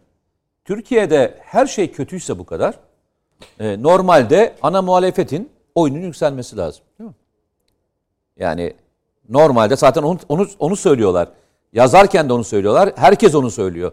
CHP'ye yakın olandan bu olaydan önce de söyleyenler ne diyorlardı? Ya arkadaşlar seçime gideceksiniz de sizin oyunuz yükselmiyor. Gideceksiniz de ne olacak? Yani hayır seçime gideceksiniz ama sizin oyunuz yükselmiyor. Hatta o yüzden şöyle söylemler geldi. Zaten Erdoğan seçime gider, gideceği seçimi kazansa da gitmez. Gitmesi git, kazanmayacağı seçime gitmez söylemlerini hatırlıyorsan onlar boşu boşuna söylemiyorlar. Bugün söylenen kelimelerin hiçbiri ben hep söylüyorum sıradan böyle kendi başına oluşturulmuş kelimeler olduğunu hiç düşünmedim. Bunu hatırlıyorsan e, Can Ataklı. ilk programda da söylemiştim. Ben bir ke- kelimeyle kimseye şey vermem. Yani iyi veya kötü demem. Bir süreci takip ederim. O sürecin içerisindeki her kelimeyi alt alta yazarım. Ne söylemek istediğine bakarım. Tutarlılıktır bu. Şimdi son dönemde Sayın Kılıçdaroğlu'nun yaratmaya çalıştığı dil dahil olmak üzere, kullandığı üslup dahil olmak üzere, genellemeler dahil olmak üzere her birine baktığınızda ve artı CHP'nin etrafındaki olan ne diyeyim? Ne diyorlar onlar kendilerine ne diyorlar? Onlar kendilerine ne diye hitap ediyorlar? CHP'nin yani yoldaş mı diyorlar? Ne diyorlar? Gazeteciler falan kendilerine hani böyle herkes birbirine bir Yoldaş takıyor ya. onlar başkaları. Başka bir şey mi diyor? Ne diyorlar ona kendileri bilmiyorum. Ee, aslında ona güzel Nedim Şener bir şey takmıştı. Bir e, lakap takmıştı da şimdi hatırlayamadım. Kusura bakmasın. Onun deyimiyle aynı yolda yürüyenler diyelim en azından. Aynı yolda yürüyenlerin kullandığı bir üsluba bakmakta yarar var. O üslup bugünkü Türk demokrasisi için nereye doğru gittiğimizin de aslında işaretleri. Bakın bu ülkenin birleştirici olan konularında CHP kendi içerisinde problem yaşamaya başladı. İşin sıkıntılı tarafı bu. Yani e, CHP Atatürk'ü tartışıyorsa bir problem var mıdır? Yani başında ve etrafında soykırım diyen birisi varsa bir problem var mıdır?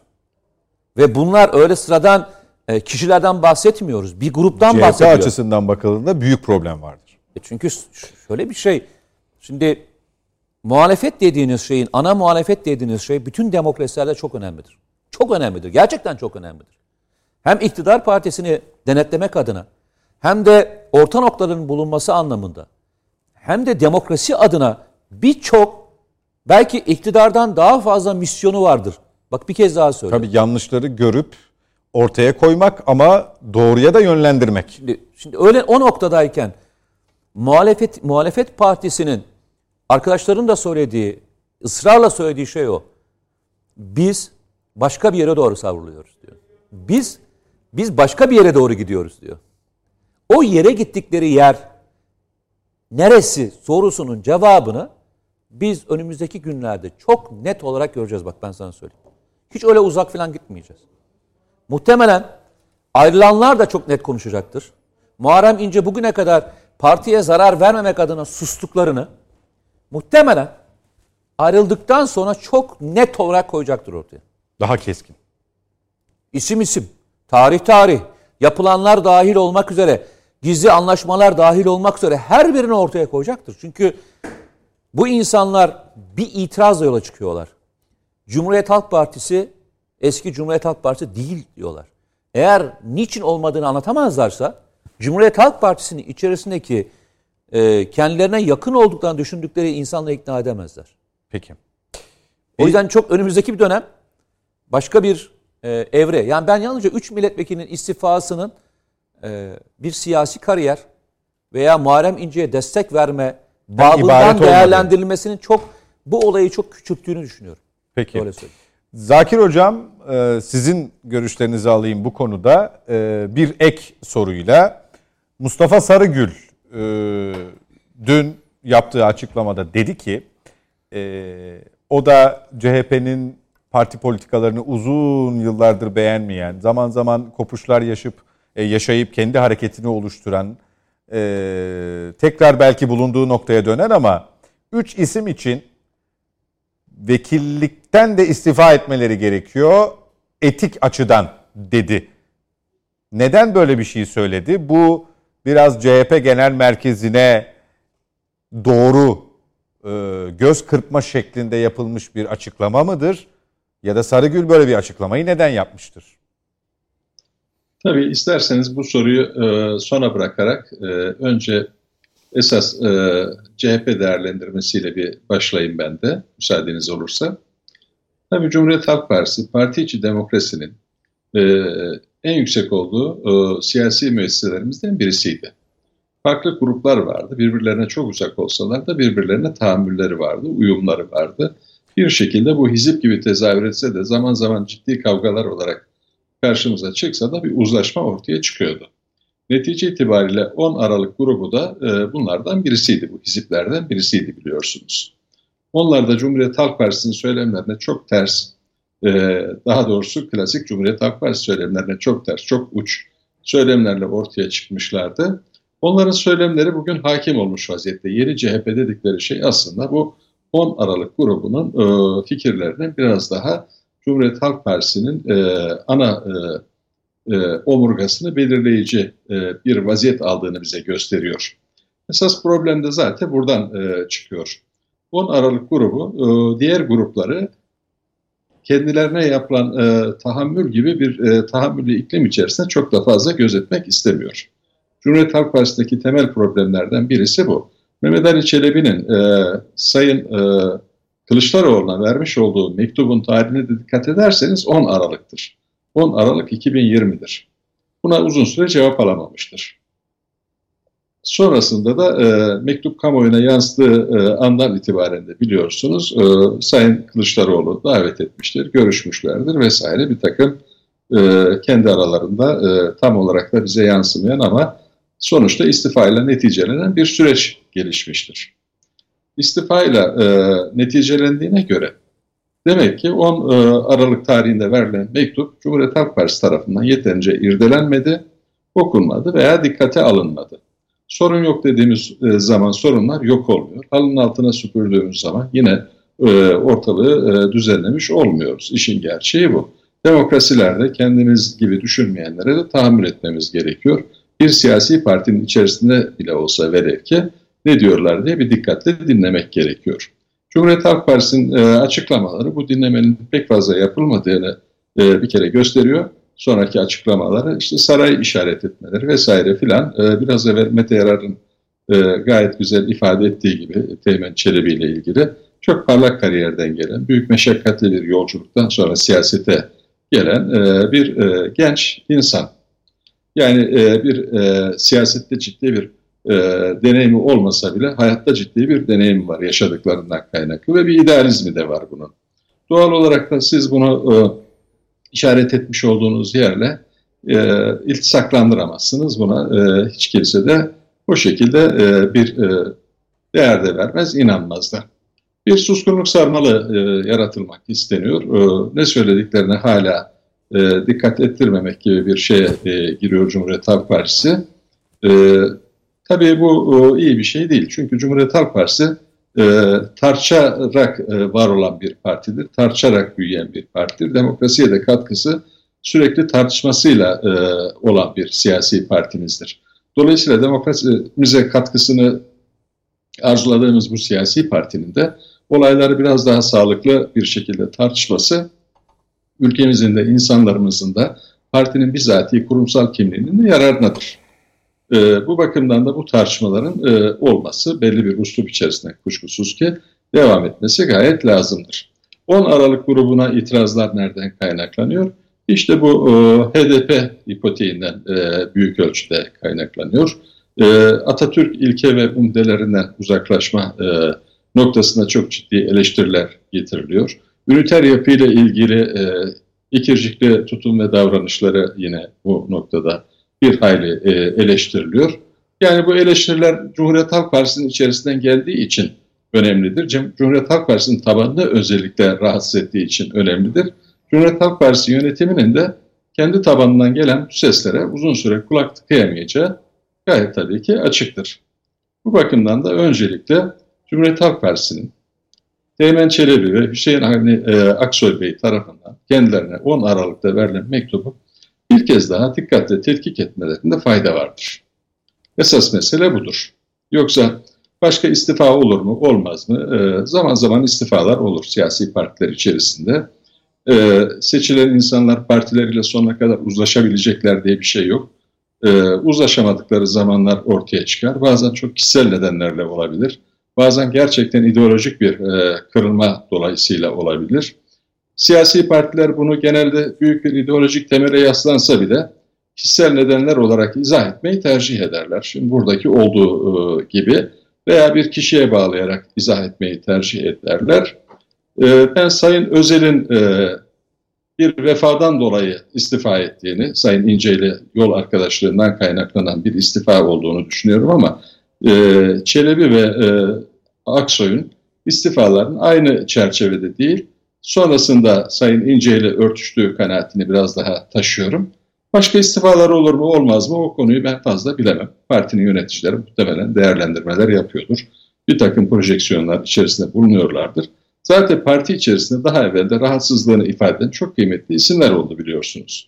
Ya yollarını ayırdılar veya parti içerisinde e, pasifize edildiler, bir kenara e, kondular.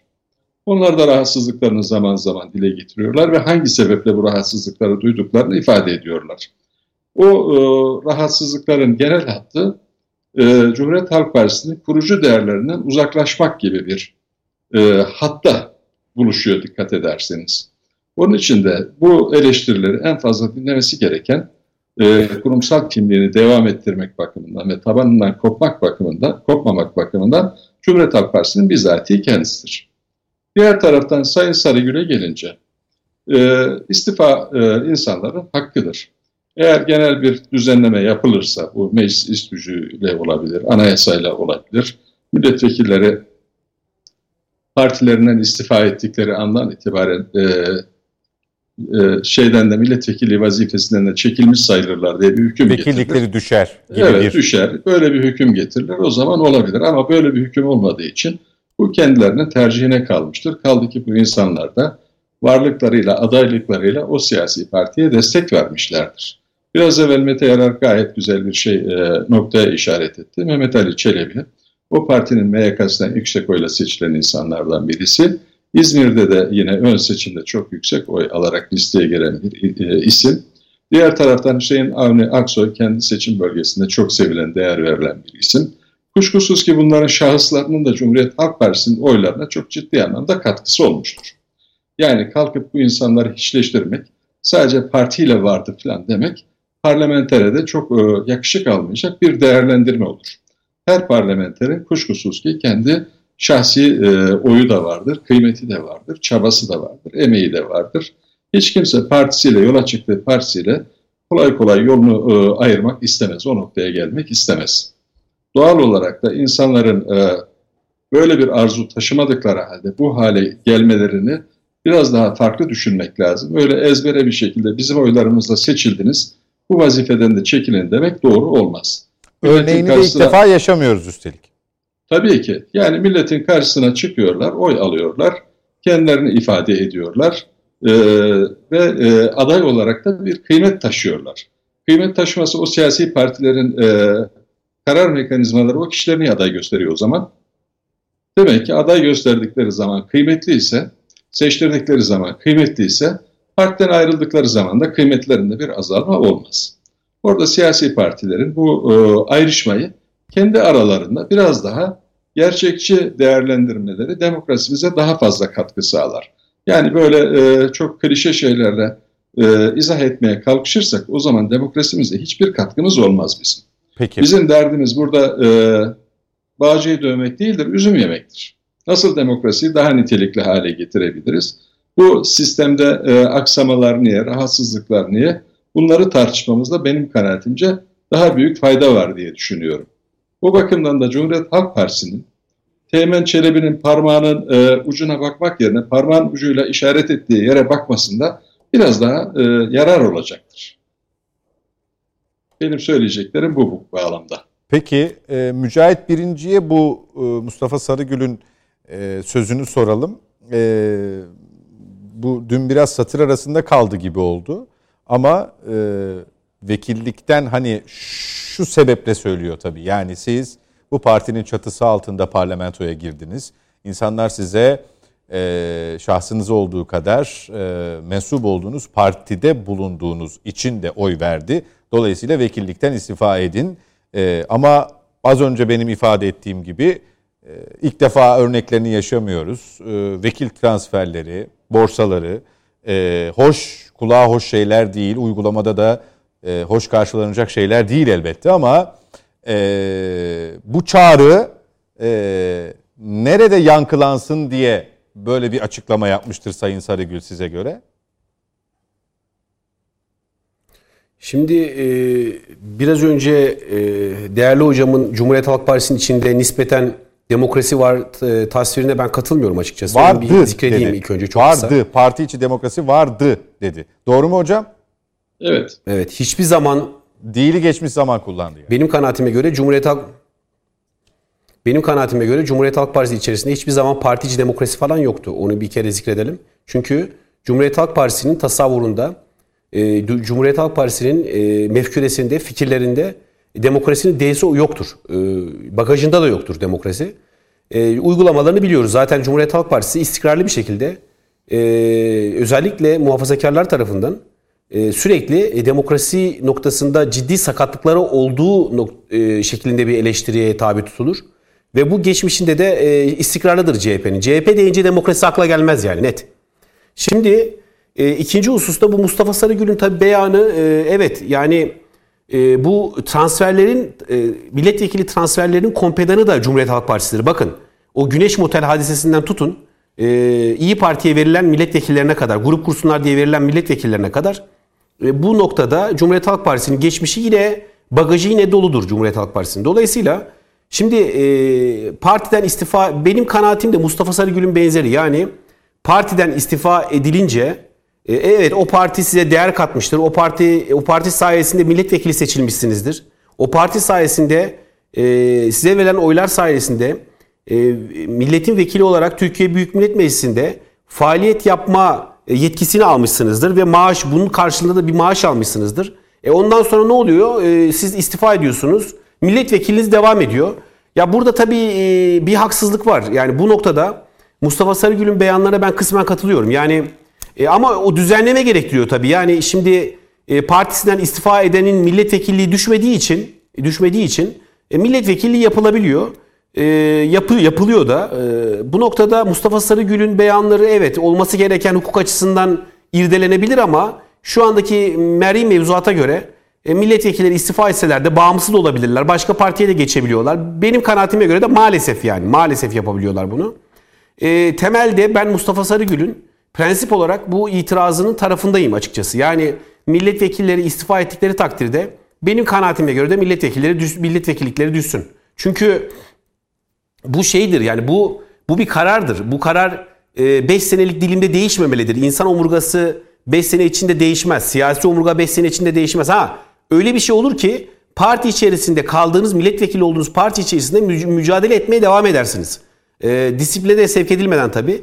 Ya bunlar tabii u- işin e, dayanıyor dayanıyor nereye dayanıyor biliyor musunuz? Siyasi partiler kanununa dayanıyor mesele. Siyasi partiler kanununda e, özellikle e, ben bir- birkaç defa daha zikrettim. Bu Cumhurbaşkanlığı hükümet si- sisteminde, hükümet etme sisteminde siyasi partiler kanununda bir revizyona ihtiyaç var açı- açıkçası. Yani şunu söylüyorum her zaman dile getiriyorum. Bizim parti parti disiplinimiz Cumhurbaşkanlığı hükümet sistemi için biraz fazla sert. Yani o parti disiplininin biraz daha gevşetilmiş olması gerekir. Parti disiplininin ki milletvekili e, biraz daha o noktada bağımsız işte denetleme görevini yapsın. Biraz daha partiden yani aykırı fikir olduğu takdirde partiden biraz daha bağımsız fikirlerini ortaya koyabilsin ona göre oy kullanabilsin. Bu benim tabii şeyimdir kişisel kanaatimdir. E, aynı zamanda benim bir hayalimdir yani. Hani Amerika Birleşik Devletleri'nde de dikkat edersek parti disiplini noktasında hem e, işte daraltılmış bölge mesela tartışılabilir. Cumhurbaşkanlığı revizyonu bu işte anayasa e, değişikliği önerisi işte bunun bence devam edecektir. Bu siyasi partiler kanununda da revizyona ihtiyaç vardır. Hukuk reformu kapsamında onu da değerlendirilmesi lazım. Bunun da tartışılması lazım. E, bu noktada işte milletvekillerine değindik ya ben her zaman şunu söylüyorum. Bu daraltılmış bölge meselesinin tartışılması lazım. Bu bir. İkincisi e, parti disiplininin nispeten Türkiye'de biraz daha zayıflatılmasını da tartışılması lazım.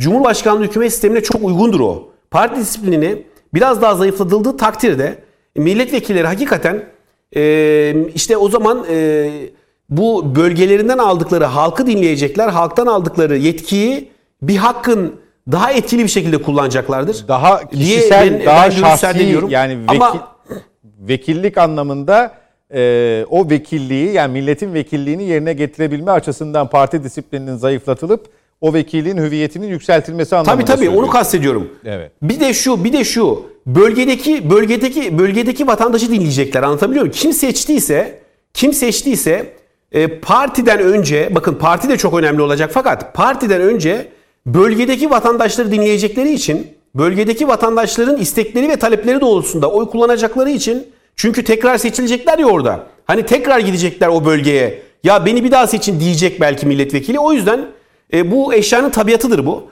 Dolayısıyla vatandaşların sesinin mecliste yansıması özellikle başkanlık sistemlerinde e, çok daha efektif olacaktır.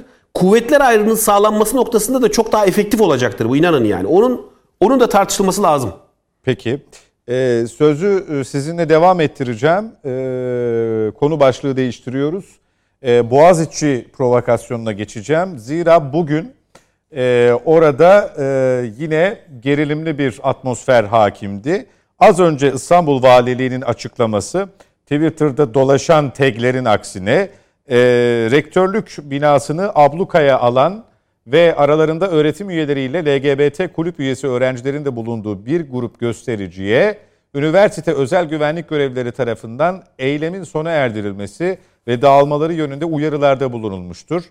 Ee, bu uyarılara itibar etmeyen göstericiler İl Emniyet Müdürlüğü ekiplerimizin müdahalesiyle dağıtılmıştır deniyor. Neden bu açıklama yapıldı? Çünkü sosyal medyada özel güvenlik görevlilerinin e, olaya sert müdahale ettiğine ilişkin bir takım iddialar ortaya atılmıştı.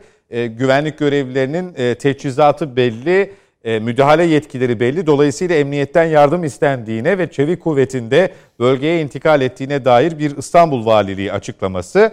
Ama ama e, ısrarla Kabe-i Muazzama provokasyonuyla devam ettirdiler e, oradaki e, sözde eylemi Mücahit Birinci. Bir yandan da tabii e, aşağı bakmadıkları gerekçesiyle bir aşağı bak teki de gün boyu e, konuşuldu, tartışıldı biliyorsunuz. Aşağı bakmadıkları gerekçesiyle gözaltına alındığı söyleniyor öğrencilerin. Sezgin Tanrıkulu, CHP'li Sezgin Tanrıkulu'nun da tweet'i şu an Vatan Caddesi'nde İstanbul Emniyet Müdürlüğü'ndeyim şeklinde. Evet. Mücahit Şimdi sizinle e, devam bu ediyorum. bir. Evet. Bir. Bu feminist dernekler, bu LGBT derneklerinin hak savunuculuğuyla bir alakası yok. Bu feminist dernekler ve LGBT derneklerinin tüm dünyada ulus devletleri sıkıştırma, ulus devletlerin sahasını daraltma noktasında manivela olarak küreselci çetenin manivela olarak kullandığı derneklerdir bunlar. Bunu bir kere netleştirelim bu bir. Hak savunucuyla falan uzak yakın alakaları yok yani. İki, İkincisi şu. Bir kere e, Kabe-i Muazzama mukaddestir. Vatandaşlarımızın büyük çoğunluğu Kabe-i Muazzama'yı mukaddes olarak görürler. E, Kabe'yi a- şey e, Allah'ın evi olarak görürler. Dolayısıyla e, hacca gitmek için yanıp tutuşan milletimizin bu de- değerine, bu şekilde alçak hakareti ben ekranlarınızda lanetliyorum. Ekranlarınızda lanetliyorum. Vatandaşlarımız da lanetliyorlar. Dolayısıyla bu kabul edilebilir. Türk milletinin kabul edebileceği bir hareket değildir. Siz Kabe-i Muazzama'nın fotoğrafını yere seremezsiniz. Sizin böyle bir haddiniz yoktur. Siz Kabe-i Muazzama'nın fotoğrafının üzerine o sapkın bayraklarınızı oraya saplayamazsınız. Böyle bir haddiniz, hakkı, hakkınız da yoktur. Dolayısıyla bu hareketlerinize dikkat edeceksiniz ve haddinizi bileceksiniz ilk önce. Milletin huzurunda, milletin huzurunda Türk polisi e, gereğini yapmaktadır. bu provokatörlere gereğini yapmaktadır ve yapacaktır. Şimdi bu işgalcilerin işgalci ruhu nereden geliyor biliyor musunuz? Bu işgalcilerin rektörlük binasına işgal girişimi yapan işgalcilerin işgal ruhu işte Gezi'den geliyor Gezi'den. O taraftan geliyor işgal ruhu. Tıpkı Dolmabahçe'deki baş, başbakanlık ofisini işgal etmeye çalışıp o masanın üzerinde te, masanın üzerinde tepinip bunlar CNN International'a fotoğraf vermeyecekler miydi? Türkiye'deki darbe bu şekilde tamamlanmayacak mıydı? Bunların planları, bunların alçak planları o değil miydi? Bir de onları o gezi sürecini işte yüzyılın kalkışması bir halk direnişi olarak sunuyorlar, sunmaya çalışıyorlar. Ya bu böyle bir şey olabilir mi ya? Böyle bir halk direnişi mi olur? Bütün e, büyük bazı büyük firmaların, tröstlerin o yöneticileri, CEO'ları orada çapulcuyum çapulcu pankartları açmıştı. Bakın işte işte e, Taksim'i bunlar 40 gün 50 gün işgal etmediler mi? O işgal ruhu oradan geliyor. Bunlar rektörlük binasını biz söyledik bunu bakın biz söyledik. Boğaziçi Üniversitesi'ne dikkat edin dedik. Bu rektörlük bir rektörlük atamasına ilişkin onu eleştirmeye ilişkin bir e, bir hadise değildir dedik. Bunun üzerinden Türkiye destabilize edilecek dedik. Destabilize edilmeye çalışılacak dedik. Şu anda da onun izlerini görüyoruz. Olmadı değil mi? Rektörlük binasında bunu yapmaya çalıştılar olmadı. Canan Kaftancıoğlu geldi. Rektör, e, üniversitenin dışında bu eylemcilerle fotoğraf verdi. Polisimiz çok e, büyük bir istikra, büyük bir e, öz, şey özveri ve e, bu provokasyonlara gelmeyen bir tavırla, çok sağduyulu bir tavırla bunlara bunları o şekilde dağıttı. Bunlara şiddet uygulamadan dağıttı. Çok hakikaten e, bu gerçekten polisin burada alkışlamak lazım. O provokasyonlar hiç gelmedi. Fakat şimdi Canan Kaftancıoğlu'nu orada gördük. Canan evet Kılıçdaroğlu'nu gezi sürecinde gördük. Ondan sonra ne gördük? Onlar ne dediler? Zeki çocuklar dediler değil mi gezi sürecindeki çocuklara? Buradaki çocuklara, buradaki öğrenci kendilerini öğrenci olarak tabir eden o öğrenci olup olmadıkları belli olmayan insanlara da zeki çocuk dediler, direnişçi dediler. Direnişli bunun alakası yoktur. Bu bir direniş falan değildir. Şimdi bu hadisenin bu e, Kabe Muazzama'nın fotoğrafının o yere serilmesi hadisesi milletin vicdanını incitmiştir.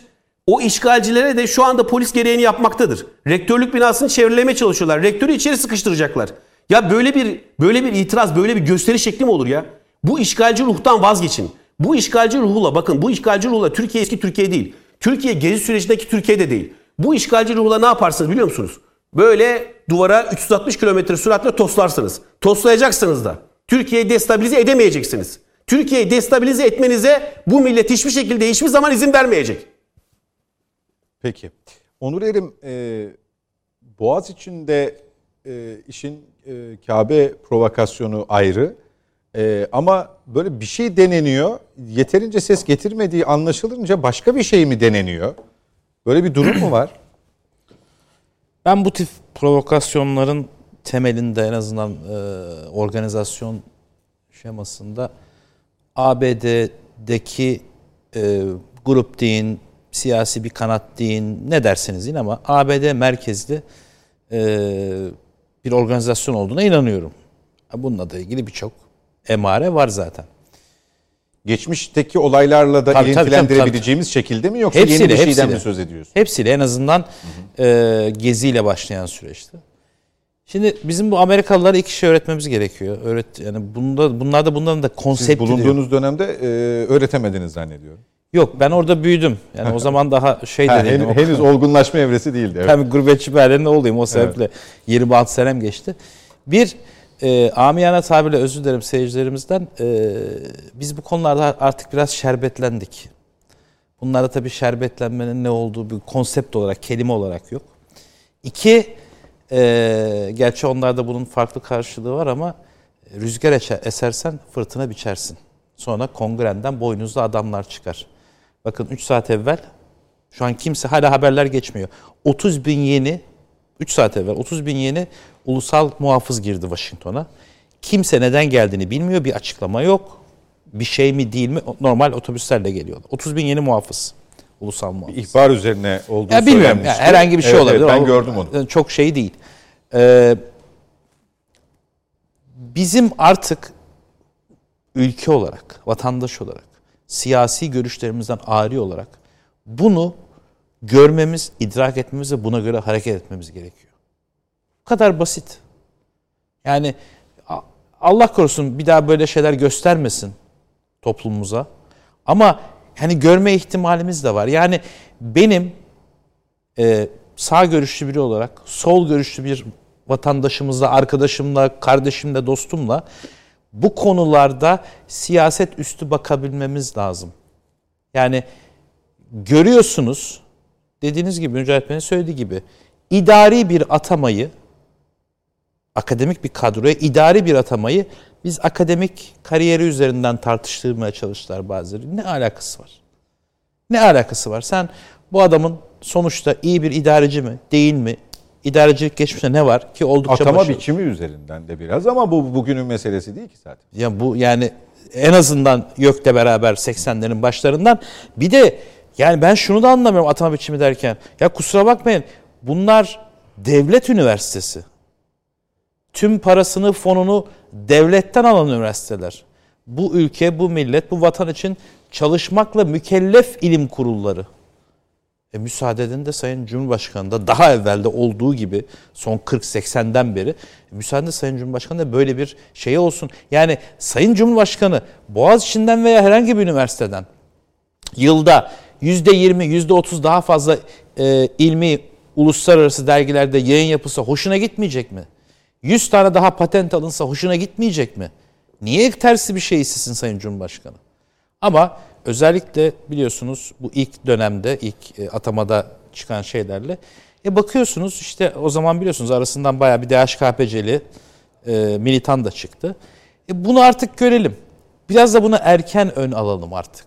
Yani e, önleyici güvenlik yani e, Mete hocamın da hani konusuna girmiyorum ama önleyici güvenlik konusunda da bizim birazcık daha proaktif olmamız lazım.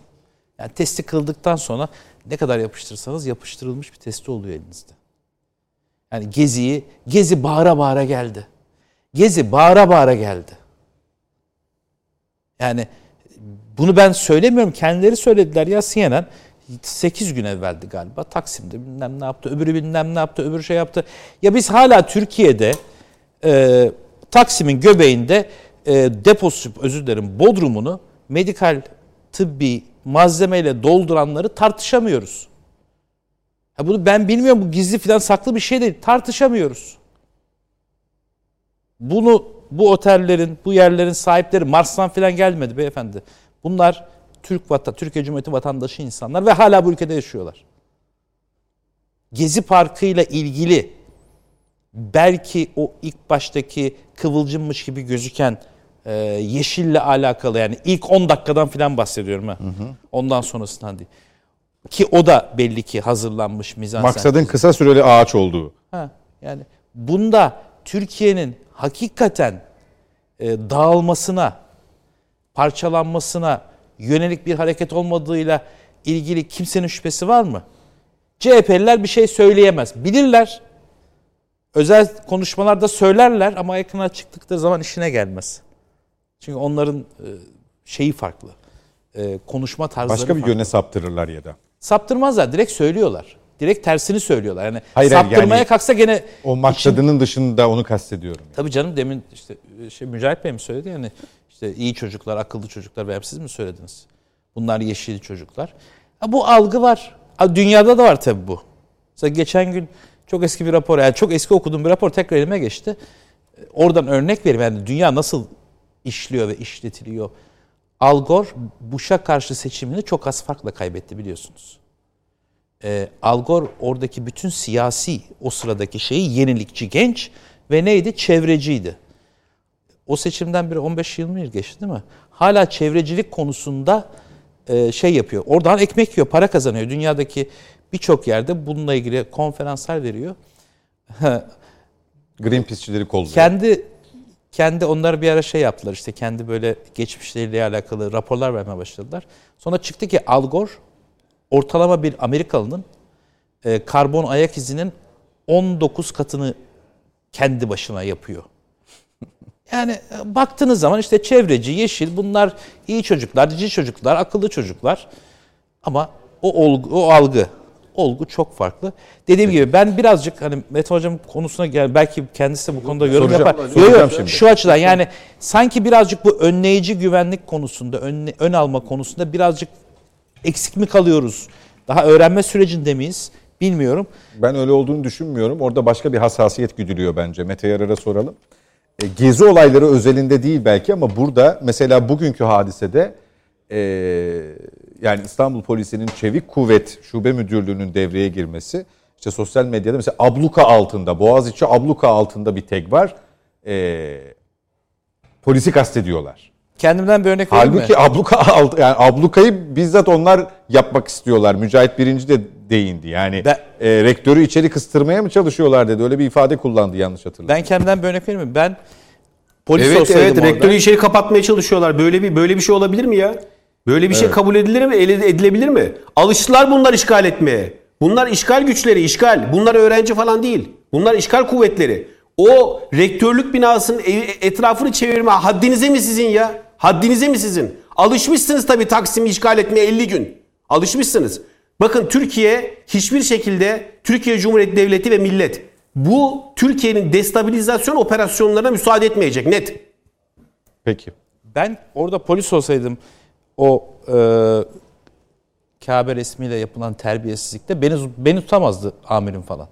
Yani polisimizin orada yani şey dışı, görevi dışı bir hareket yapmaması yapmasını engellemek bile bu disiplin bile helal olsun polisimize. Peki. E, gezi olayları çok daha başka bir dinamikle belki önleyici güvenlik anlamında konuşmamız gereken bir şey. Yani polisin içindeki karmaşa... Gezi, Gezi'yi hiç örneğe vermeyelim. Yo, yo, bir bu- FETÖ bu- dönemi.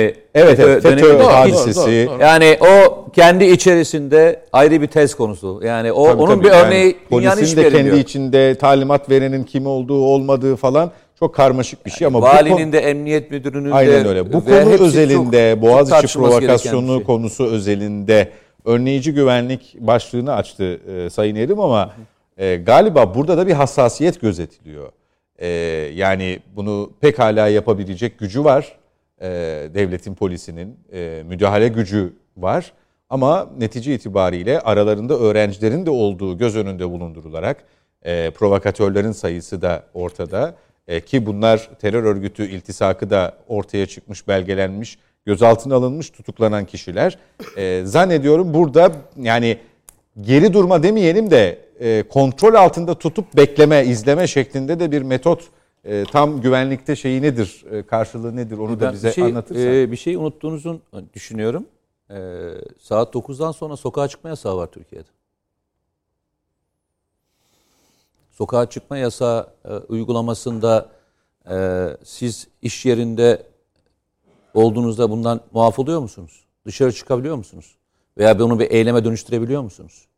Bu akşamki benim bildiğim kadarıyla uygulama hatırlatılan ve onlara e, hitap edilen konu şu. Şu anda sokağa çıkma yasağı var. Sokağa çıkma yasağı var. Evlerinize gidin. Yani yarın sabah buraya gelmeyin falan gibi bir deyim yok. Yok gündüzden başlıyor ama akşamın o Yok saatine yani ama sonra hayır. sarkıyor tabii İşte tabii. tabii. O müdahalenin olduğu saat sokağa çıkma yasağının 21.30. Tamam işte sokağa çıkma yasağının başladığı e, zamanda oluyor. Ya burada beraberdik. Hatta sen daha sonra onu kesip koymuşsun. E, TVNet'te de seyrettim ekstra olarak.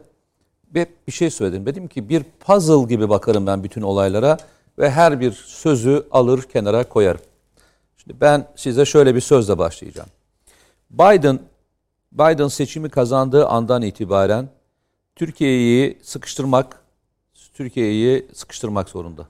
Yani Türkiye'ye muhalefete destek vermek zorunda.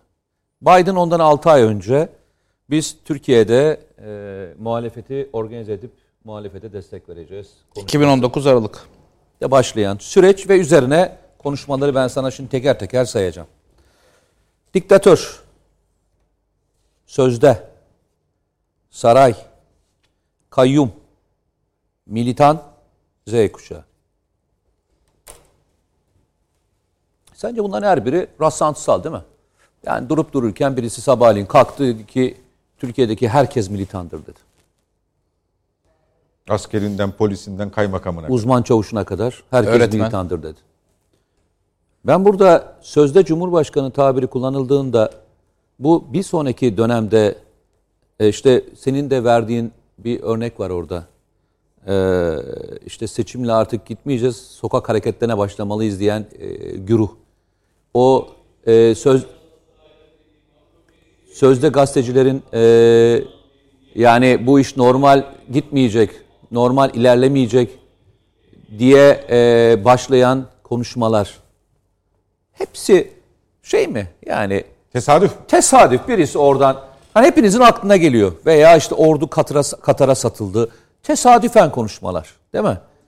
Yani bunların her biri böyle nedense benim aklıma gelmiyor. Nedense senin aklına gelmiyor. Yani bizim daha öncesinde de Ergenekon ve diğer süreçlerde de aklımıza gelirken kullandığımız deyimler hiç bu kadar sert değildi.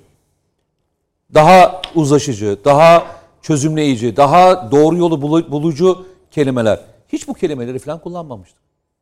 Şimdi şu kelimelerin her birine baktığınızda ve bugün yaşanan sürece baktığınızda bunların geleceğinin O bilinmemesi... kelimeler arasında neler olduğuna. de. Bunların her birinin bir ilişkisi var. Bunların her Hayır biri... hayır. E, hadiseler şimdi tartışmaya açılıyor. O aradan bir hafta on gün geçiyor. Öbür kelime onunla birleştiriliyor. Tabii tabii. Yani öyle bu kelimeden bak bu kelimeden hiçbiri sıradan kelimeler değildir. Bu kelimelerin her biri geçmişte keşke e, Türkiye'de daha önceki dönemlerde diyorum ya demin siz söylediniz galiba bırakın gezi sürecini 15 Temmuz sürecini bile biz daha hani doğru yorumlayamıyoruz. Tabii. Daha e, darbeler tarihini doğru yorumlayamıyoruz. 12 Eylül'ü hani 1960'ı doğru yorumlayamıyoruz. Hani şöyle bir mevzudan tartışıyoruz. Manşete çıkartılan konuya bakar mısınız? Eğer erken seçim kararı almamış almış olsaydı darbe olmayabilirdi. Ki yalan. Efendim? Ki yalan. Yok yok yani yani bunu sayın şey söylemiyor. İlker Başbuğ söylemiyor. İlker Başbuğ başka bir tezi söylüyor. Ama bunu alıp manşete taşıyorsunuz. Diyorum ya her biri e, birbirinin üzerine bindirilen konular. Ve bu bildirilen konuların geçmişte örnekleri başka ülkelerde demokrasiye dışarıdan müdahale için nasıl kullanıldığı da var. Birebir o kadar benziyor ve birbirinin içine o kadar geçmiş durumda ki. Kime ve nasıl uyduğuyla ilgili. Ben şöyle bir şey soracağım. Herkese e, bugün için konuşuldu bir sürü kişi bu konuyla ilgili e, Kabe'nin fotoğrafın üzerine başka bir şey yapıştırılması, onun yere konması ile ilgili. Ben şöyle bir şey soracağım ya. Bu arkadaşların herhangi bir, dini hassasiyetleri var mı ki hani onu alıp e, onu bir kişiselleştirecek bir yerde mi bulunduruyorlardı ki gelip onu alıp oraya koydular? Hani hep konuştukları, hep bu- buldukları bir şey miydi? Ki o an Ulaş- oradaydı. ulaşabildikleri bir şey. Ulaşabildikleri bir şey miydi ki aldılar onun üzerine koyup onu da yere koydular? Yani bunu biz şöyle mi e, söyleyeceğim? Yani bir çalışmaydı, bir sanatsal çalışmaydı ve bu sanatsal çalışmayı e, akıllarına o gün mü geldi? Hani bir tabir vardır. E, namazda gözü olmayanın ezanda kulağı olmaz hikayesi derler. Akıllarına nereden geldi de böyle bir e, resim çalışması veya böyle bir öyle diyorlar ya bu sanat çalışması diyorlar değil mi? Bu sanat çalışmasının aklına tam Boğaziçi zamanında mı geldi? Daha önce yapılmış bir örneği var mı? Ya da. Ya bu, bu grubun var mı böyle bir şey? Şimdi diyorum ya zaten bunları konuşurken demiştik ki burada hatırlarsanız. İnsanların en hassas oldukları konu üzerine tepinecekler demiştik. En hassas olduğu konular neyse bu ülkenin e, üzerine tepinecekler. Ve bu yalnızca tek taraflı bir tepinme de olmayacak. Bu çift taraflı bir tepinme olacak. Yani hani bazen diyoruz ya tetikçiler ortaya çıkacak diyoruz ve suikastler yapacak diyoruz. Siz tetikçiler ortaya çıkacak suikast lafını yalnızca kişiler öldürülmesi olarak mı algılıyorsunuz? Ha. Asıl tetikçilik, ben size söyleyeyim mi? Asıl tetikçilik budur işte. Toplumsal anlamda insanları infial uyandıracak olayları yapmakla ilgili, bu söylemleri kullanmakla ilgili süreç olacaktır. Bu aynen böyle bir süreç. Bu insanlar ne zaman Kabe ile ilgili bir çalışma yapmışlar da o gün yapıp da tam herkesin göz önüne e, getirme gayreti içine girmişler? Bak dikkat et Boğaziçi gündemden çıkmıştı. Farkında mısın? Yani Boğaziçi konuşuluyor muydu? Ama neden çıktı diye yapıyorlar. Ben Çıkmaması- onu söylüyorum sana. Ben de onu söylemeye çalışıyorum. Sen öyle bir şey yaparsın ki sen bunu yaptığında başka bu grubu da e, kendine doğru çekersin. Bunları topluma doğru anlatmak lazım. Yani önleyici e, istihbarat çalışması dedi. Yani istihbarat çalışması dediğiniz şeyin içerisinde bir de önleyici aydın olmak gerekiyor. Bu önleyici aydınlara ihtiyacı var. Yani Uğur Mumcu, Abdi İpekçi neden öldürüldü sorusunun gazetecilik anlamında neden öldürüldü sorusunun cevabı işte önleyici aydın, aydında yatıyordu. Yani bu ülkede PKK'nın nasıl kurulduğunu, PKK'nın hangi örgütler tarafından desteklendiğini, Türkiye'deki vakıflar üzerinden nasıl fonlandığını e, anlatamadığınız müddetçe önleyici aydın, aydınlık yapamazsınız. Veya bu konuştuğunuz kelimeyi anlatamazsınız. Çok basit sorularla bu toplum o kadar çok şeyin vakıf oluyor ki bu toplumun gerçekten bir sağduyusu var. Yaşananların içerisinde bir mantığı var. Siz yeter ki doğru soruyu sorun ve doğru bir şekilde anlatmaya, çok olayı da böyle kriminalize etmeye falan gerek yok. Arkadaş bu adamlar niçin bunu yaptı sorusunu sorun. Bu toplum bunun cevabını kendisi çok içinde bulur. Evet şu bir Yani- içerisinde bu kelimeleri sıralayın ya da. Arka arkaya sıralayın. Ben hep diyorum ya durup dururken militan lafı nasıl çıktı arkadaşlar? Hatta geçen gün televizyon programında söyledim. Bakın dedim iki gün sonra olacak olayınsa olayım söyledim. Bir toplumsal olay oldu ki onun söylemi de söylediler. Ancak burayı yani burası demokrasi artık seçimle gidil, gitmeyecek. Bu bir diktatördür. Sokak hareketleriyle gidebilir. Lafını söylersiniz arkasından da bunu destekleyecek başka bir şey de yaparsınız. Ne yaparsınız? Dersiniz ki kardeşim zaten hepsi militan. Sana sana seninle ilgili toplumsal anlamda bir şey verir. İşte polis sen zaten militansın. İşte vali sen zaten militansın. Seni zaten dinlemiyorum. Onu yapmıyorum diye başlarsınız ve işin ucu işin ucu gider.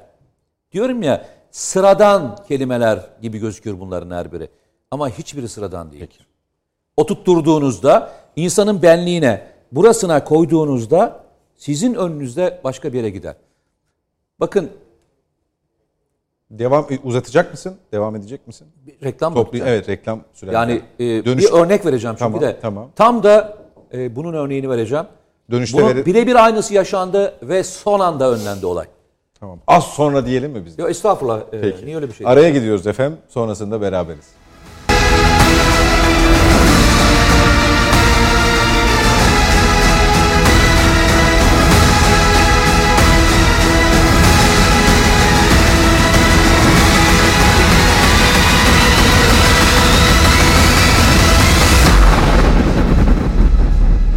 Net bakıştasınız efendim. Son etaba girdik. Araya gitmeden önce Mete Yarar tüm bu yaşananların rastlantı rastlantısal bir durumunun olmadığını e, ilk etapta kelimelerle ortaya koydu. Sonra örneklerini vermişti. Asıl çarpıcı örneği reklamdan sonraya sakladı. Şimdi sözü kendisine bırakalım. Sonra bir konumuz daha var. Ona değinip toparlayacağız yavaş Kılıçdaroğlu'nun yavaş. hatırlarsanız e, Ankara'dan İstanbul'a bir yürüyüşü vardı. Adalet yürüyüşü. Evet. Ve adalet yürüyüşü diye nitelendirdiği o yürüyüşün esnasında e, Kocaeli'ye geldiğinde bir olay yaşandı. Çok böyle basit gibi geçiştirildi. Ama e, Türkiye'nin belki geleceğini kurtaran bir operasyon yaşandı. Hatırlar mısınız? Emre Uslu bu FETÖ firarilerinden Emre Uslu şey yazmıştı. Şeye geldiğinde, e, Kocaeli'ye geldiğinde bir araçla ezecekler demişti. Hatırlıyor musun? Evet. Ve kullandığı tabirleri hatırlıyor musun? Bir de onlara baksınlar oradaki şeylere. Daha sonra Kayseri Emniyeti gelen bir istihbaratı değerlendirerek bir DAEŞ mensubunun yurt dışından talimatla direkt bu olay için Kocaeli'de araçla ezmek üzere talimat aldığının e, farkına varıyor. Gerçekten birebir. O şekilde talimat alıyor. Direkt Kocaeli. Bir tane şey kiralıyor. İşte bir e, pick-up, büyük bir pick-up kiralıyor. Arabanın içerisine AK Parti bayrakları koyuyor ve Kocaeli'ye intikal ediyor. olay yerine varmadan önce şey yapıyorlar. Arabayı Milli İstihbarat Teşkilatı ile beraber Kayseri Emniyeti bir ortak operasyonla arabayı ele geçiriyorlar. Kayseri mi Kocaeli mi? Kayseri. Kayseri. Çünkü e, olayı şey yapan, takip eden Kayseri Emniyeti. Şu anda da Emniyet Genel Müdür Yardımcısı o e, sayın müdür. E, ve adam itiraf ediyor her şeyi. Nasıl talimat aldığını, nasıl organize olduğunu, ne yaptığını her şeyi anlatıyor. İşin ilginç tarafı başka bir şey daha da, etay daha var. Tam olayın olacağı yerde yabancı basın arabaları tam bir gün önce oraya geliyor. Vaziyet alıyor. daha önce hiç bu şekilde ön almayan yabancı basın kuruluşları oraya gelip tam o saatte orada yerlerini alıyorlar. Hiçbir şey rastlantı değildir. Gezi'den önce e, oradaki otellerin bazılarının kiralanmış olması, e, araçlarının daha önceden kiralanmış olması gibi birçok detaya baktığında hiçbir şey rastlantı değildir. Ama bu topluma bunu anlatmanız lazım. Bu topluma ne olduğunu belgeleriyle, tanıklarıyla ortaya koymanız lazım. Çünkü bunları koymadığınız müddetçe işte bu tür tuzaklar kurulmaya devam ediliyor. O gün eğer Kılıçdaroğlu araçla ezilmiş olsaydı Türkiye'nin nereye gideceğini siz düşünün. İçinde AK Parti bayraklarının bulunduğu bir araçla. Ama farkındaysanız olay hiç konuşulmadı bile. Çok büyük konuşulmadı bile yani. Emrin nasıl yurt dışından geldiğinde bunu. FETÖ'cülerin nasıl o tarihte tam birebir aynı yeri söylediklerini hiç tartışılmadı. Bugün de aynı şekilde Boğaziçi konusunda nasıl FETÖ'cülerin yurt dışından manipüle ettiği de hiç tartışılmıyor. Mesela şu söylenmiyor hiç kimse tarafından. Ya bu darbeciler hani diyor herkes herkes şu an demokrasi şeyi ya havalisi ya.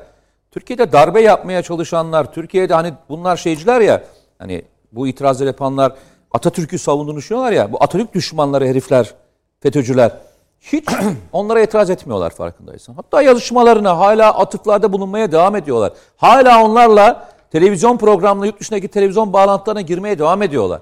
Ve hepsinin şu anda odaklandığı tek konu ne biliyor musun?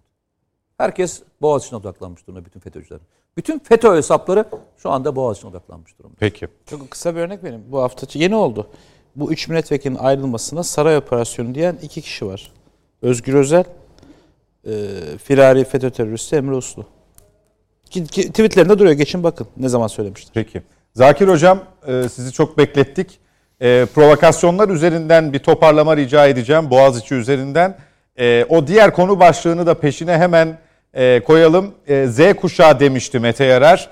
E, o da ilk verdiği örnekte sıraladığı kelimelerde yer aldı. Nitekim biz geçtiğimiz hafta bunu da tartıştık. E, öğretim üyesi olmanız hasebiyle bir e, hoca olmanız hasebiyle de bu konuda söyleyecekleriniz önemli. Tabii ben e, bir öğretim üyesiyim ama çok uzun yıllardan beri de bir üniversite yöneticisiyim. E, neredeyse 8 yıldır dekanlık yapan e, bir insanım. Doğal olarak da e, üniversite meselelerinde bir hassasiyet içerisinde dinliyoruz, bakıyoruz ve konuşuyoruz. Üniversitelerde mutlak surette e, daha başarılı, yarışmacı, rekabetçi bir anlayışın hakim olması için siyasetten de, farklı sivil toplum örgütlerinden de öneriler gelebilir. Üniversite yönetimlerinin nasıl olması gerektiğine dair e, farklı e, görüşler ortaya atılabilir. Fakat e, ben hem seçimleri yaşamış hem atamayla gelen rektörlerle çalışmış e, bir e, akademisyen olarak e, şunu söylüyorum. Bunları tartışmamızda bir mahsur yok. Bunları tartışalım. Fakat bu Boğaziçi meselesi bu tartışmanın e, e, zemininden çıkmıştır. Böyle başlamış gibi gözükse de e, böyle bir noktada değildir artık. Onun için de e, şu e, hususlara biraz e, aydınlatmak istiyorum saygıdeğer seyircilerim. Türkiye'nin 8 milyona yakın üniversite öğrencisi var. Tam sayı vereyim size. 7 milyon 940 bin 133 öğrencimiz var şu anda. Bu dünyada hiçbir e, e, ülkede özellikle e, Avrupa e, Birliği dahilinde hiçbir ülkede olan bir rakam değildir. Muazzam bir rakamdır. 203 üniversitemiz var. Bunların e, 73'ü vakıf üniversitesidir, diğerleri devlet üniversitesidir. Boğaziçi bu üniversitelerimizden bir tanesidir. Kuşkusuz ki başarılı bir üniversitemizdir. Bize gurur veren bir üniversitemizdir. Ee, evrensel tanınırlığı en yüksek olan üniversitelerimizden birisidir. Fakat e, Boğaziçi'nin şöyle bir tarafı da vardır. 12.500 kadar e, lisans öğrencisi, 3.500 civarında da lisansüstü öğrencimiz var Boğaziçi'nde. 483 akademisyenimiz var Boğaziçi Üniversitesi'nde. Toplam ne kadar akademisyenimiz var biliyor musunuz? O rakamı da ben sizle paylaşayım isterseniz. 170.500 akademisyenimiz var. Yani e, bu kadar çok e, akademisyenin olduğu, bu kadar çok üniversite öğrencisinin olduğu ve bu kadar fırsat eşitliğinin e, insanlarımıza sunulduğu bir Türkiye'de bizim şimdi e, başka bir arayış içerisinde olmamız lazım. O arayışta nedir? Üniversitelerimizin önemli bir kısmının dünyanın ilk bini e, arasında, 500'ü arasında, 300'ü arasında, 200'ü arasında yer alabilmesini temin edecek e, öneriler içerisinde olmamız lazım. Bu önerilere Boğaziçi'nin rektörü şu olmuş, bu olmuş filan gibi şeyler dahil değildir. Bunlar çok mantıklı, makul yaklaşımlar da değildir. Amacımızdan bizi uzaklaştırır. Bizi gerçeklerden de uzaklaştırır. Bakın Türkiye'de bütün çocuklarımıza bir fırsat eşitliği sağlıyoruz. Bütün çocuklarımıza diyoruz ki gelin pek çok üniversitemiz var. Bulunduğunuz illerde de dahil olmak üzere. Her ilimizde üniversitemiz var. Yarışarak, rekabet ederek bu üniversitelerden istediğinize girebilirsiniz, başarılı olabilirsiniz, hayatınızda çizebilirsiniz. Şimdi bu kadar fırsat verilmiş çocuklarımızı alıp provoke edip başka yerlere götürmenin, bu olaylara dahil etmenin hiçbir anlamı, faydası yoktur. Çocuklarımızın üniversite yönetimleriyle ilgili kanaat serdedecekleri zeminleri oluşturuyoruz zaten. Öğrenci temsilcilikleri var. Öğrenci ihtiyaçlarını, öğrenci beklentilerini bunlar eliyle zaten her türlü alıyoruz. Dolayısıyla da şimdi e, Türkiye'deki üniversiteler eleştirilirken, Türkiye'deki üniversitelere ilişkin sistem önerilirken burada çocukları kapılara dikip, çocukları hocalarıyla, yöneticileriyle problemli hale getirip e, bir çözüm bulmanın, sokaklarda bir çözüm bulmanın hiçbir şekilde imkanı yok, yolu yok. Bu çözümleri arayalım. Geçmişte seçimi de yaşadık bizler. Üniversitede seçimler aynı bölümde yıllarca birlikte çalışan ve birlikte çalışmak zorunda olan insanları da farklı tercihlerinden dolayı küs hale getirmiştir, kırgın hale getirmiştir, kavgalı hale getirmiştir. Farklı farklı tercihlerinden dolayı. Bunun mahsurlarını yaşadığımız için, verimliği katkısı olmadığı için biz seçim usulünden vazgeçtik. Ne yaptık? Bir atama usulüne geçtik. Atama usulü de lalet bir usul değil. Nasıl oluyor ben size söyleyeyim. Her e, üniversiteyle ilgili Yüksek Öğretim Kurulu ilan Hocam açık. biraz hızlanabilir miyiz? Evet. Süre daraldı. Her e, üniversitemizle ilgili Yüksek Öğrenim Kurumumuz ilana çıkıyor. Buraya adaylar başvuruyorlar. Bunlar da çok e, dikkatli bir değerlendirme süzgecinden geçiyor ve e, oradaki e, değerlendirmeden sonra Sayın Cumhurbaşkanı'na arz ediliyor. Sayın Cumhurbaşkanı da bu adaylardan e, birisini atıyor. Umumiyetle de genelde o üniversiteyle bağı olanlar atanıyor dikkat edersiniz. Onun için de burada bu meselenin büyütülmesinin e, arkasında kesinlikle üniversitenin başarılı olması için bir e, yöntem önerisi falan yok. Çok provokatif bir şey var şu an karşımızdaki manzara bu. Dolayısıyla bunu onaylamamız, doğru bulmamız e, hiçbir şekilde kabul edilemez. Bunun yerine ben hep şunu söylüyorum. Bütün katıldığım programlarda da en başından itibaren diyorum ki gelin biz şunu yapalım. Türkiye için yarışan, rekabet eden bir üniversite yapısı oluşturabilmek için, bütün üniversitelerimiz için daha nitelikli, dünyanın en başarılı üniversitelerindeki sistem neyse onları araştıralım evet. ve önerelim. Çözüm buradadır. Yoksa orada rektörlük binasını işgal edin. Yok burada bilmem ne yapın. Orada ağaç kesin. Burada insanları şey yapın. Kutsal değerlere e, mütecaviz davranışlar sergileyin. Bunlar hiçbir çözüm olmaz. Bunların Türkiye'de faydası olmaz. Sokaktaki şiddeti artırmanın da ülkemize bir katkısı olmaz. O yüzden de ben e, herkese e, aklı selim tavsiye ediyorum. Buradan bize bir fayda yok. Bunun bilinmesi lazım. Peki. Teşekkürler hocam. Mücahit Birinci e, son e, sözleriniz artık birer dakika, birer buçuk dakika. Z kuşağı tartışması. E, e, eskiden her şey çok mu güzeldi? yoksa Z kuşağı bilmez şeklinde o yoldan mı ilerlenmeli?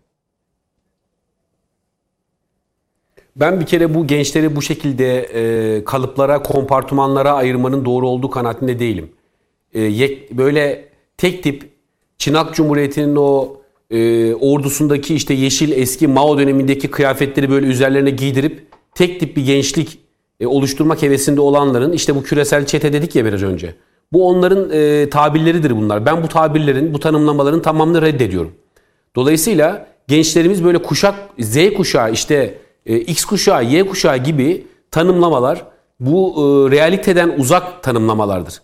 Yani Z kuşağı adeta e, burçlar gibi hani şu burçtansa karakter özelliğin şudur dayatmaları gibi Z kuşağının da böyle bu şekilde işte Z kuşağı nedir? Bilgisayar düşkünü, bilgisayardan kafayı kaldırmayan, milli hassasiyetleri olmayan falan gibi e, tıpkı e, Asosyal, ta- tam da küreselcinin istediği şekilde Ha bravo. Tam da küresel, küreselcilerin istediği şekilde bir tanımlamadır bu. E, fakat böyle bir gençlik yok tabii. Yani gençlikte de böyle tek tipçi bir yaklaşım yok. E, Birçok gen- genç tanıyoruz ki çok daha vatansever hassasiyetleri olan, vatanına, milletine hayran, düşkün, ecdadına aşık, ecdadını araştıran e, birçok bu işte bu yaş grubundan birçok genç tanıyoruz. Ben tanıyorum kişisel olarak ilişkilerim var. Gençlerle aram iyi. E, dolayısıyla bu tip böyle tek tipçi tanımlamaları ben hakikaten rasyonel, reel bulmuyorum. Bunlar reel değil. Bunlar daha çok dizayna matuf. Gençliği dizayn etmeye matuf e, kompartımana bölme çabalarından başka bir şey değildir. Peki. Ee, Onur Erim, Z kuşağı Mücahit Bey'le ben paralel düşünüyorum. Çoktan da bunu söylüyorum. Ee, Z kuşağı dediğimiz yaş grubu ve e, bir şekilde sanki yine uzaydan gelmiş bir grupmuş gibi davranılması bana çok garip geliyor. Benim de Z kuşağı diye adlandırılan yapılan kişiler tarafından e, çocuklarım var. E, bence benim hassasiyetlerimi, o yaştaki hassasiyetlerimin, kaygılarımı, hayattan beklentilerini çok bayağı birebir yaşıyorlar. Tabii karakter ve düşünce farklılıkları olabilir. Burada şöyle bir sıkıntı var. Ee, bu yaştaki, bu çağdaki çocukların haberleşme stili değişti. Sorgulama stili değişti. Biz çocukken büyüklerimizi söz vermeden bir şeye cevap vermeye bile imtina ederken onlar birazcık farklılaştı. Ama emin olun biraz sabırsızlanmış, sabırsızlanıyor olabilirler. Var. O hızlılığa alıştılar. alışıklar. E, Dediğim gibi yani bence e, bundan 10 sene evvelde, 50 sene evvelde gençlerden çok farklı değiller. E, milliyetçilik ise milliyetçilik, maneviyatsa maneviyat hepsi belki birazcık bizden daha farklı yaşıyorlar. Biraz, birazcık daha bizden Farklı da öğreniyorlar aslında. farklı da öğreniyorlar. Ama bunun da yanında yine ben aynı fikirdeyim Mücahit Bey'le. Ama bunun da yanında bu dijitalleşmenin ve bu dijitalleşmenin getirdiği sosyopsikolojik durumun maalesef bir takım gençlerimiz de bir kısım gençlerimiz de takım demeyeyim bir kısım gençlerimiz de çok böyle statik e, neredeyse robotlaştırdığını da görüyoruz. Bu farklı bir şey. Ben Z kuşağı tanımlamasına e, temelden ve esasdan karşıyım. Bunlar sadece dijital çağda yetişen çocuklar. Bizim zamanımızda ya biz e, renkli te- ben şahsen renkli televizyonu sonradan gördüm. Kumandalı televizyonu da sonradan gördüm. E, bu çocuklar ellerinde ufacık bir telefonla doğdu. Niye çıktı bu tartışma? E, şey, e, kuşak çatışması. E, Oluşturarak. E, yani siz sonuçta bir yere e, birilerini e, kategorize edersiniz ve o kategorize etmenin de e, sonucunu bu şekilde e, nitelendirirsiniz. Ben net söylüyorum aynı şekilde. E, bu Z kuşağına o kadar çok inanıyorum ki çok zekiler. Gerçekten çok zekiler. Çok pragmatikler. e, çok sorguluyorlar. Ve e, olaylara tek gözden değil birkaç yerden bakmayı çok iyi biliyorlar. Dünyayı çok iyi takip ediyorlar. Ben şunu söyleyeyim. Bizden daha çok fazla şey bildiklerini düşünüyorum. Çünkü o bilenler 15 Temmuz'da bu Z kuşağıydı sokakta olanların bir kısmı. 16 yaşına sokağa çıkmışlardı. Arkasından e, bu Z kuşağı e, şeydeydi. Bugün işte en son kızlarımız e, 750 tanesi polis özel harekat e, timine girdi. O Z kuşağı Suriye'de. O Z kuşağı şu anda gemilerde. O Z kuşağı Aselsan'da. O Z kuşağı şu anda e, yazılımlarda. O Z kuşağı T3 şu anda baktığında. robotik e, yazılımlar yapıyorlar. O Z kuşağı bilgisayar oyunları yapıyorlar. Türkiye'nin en büyük parasına şirketlerini satıyorlar. İnanılmaz o Z kuşağı inanılmaz bir kuşak. Hiç öyle vatanseverlikleri, Türkiye'nin sorunlarıyla uzaktan yakından hiç ilgilenmiyormuş gibi imalar e, çok ilginç. Ne bir siyasi partiye angajeler çünkü şöyle bir şey söyleniyor. Bu Z kuşağını bir yere angaj etmeye çalışıyorlar. Angaja olmayacak kadar zekiler ve e, yönlendirilmekten de nefret edecek kadar da, kadar da akıllılar. Peki. O yüzden e, Z kuşağı tabirine ben de çok karşıyım. Ben her zaman şunu söylüyorum. Hepsine gittiğimde de aynı şeyi söyledim. Yeni nesil diyelim ya.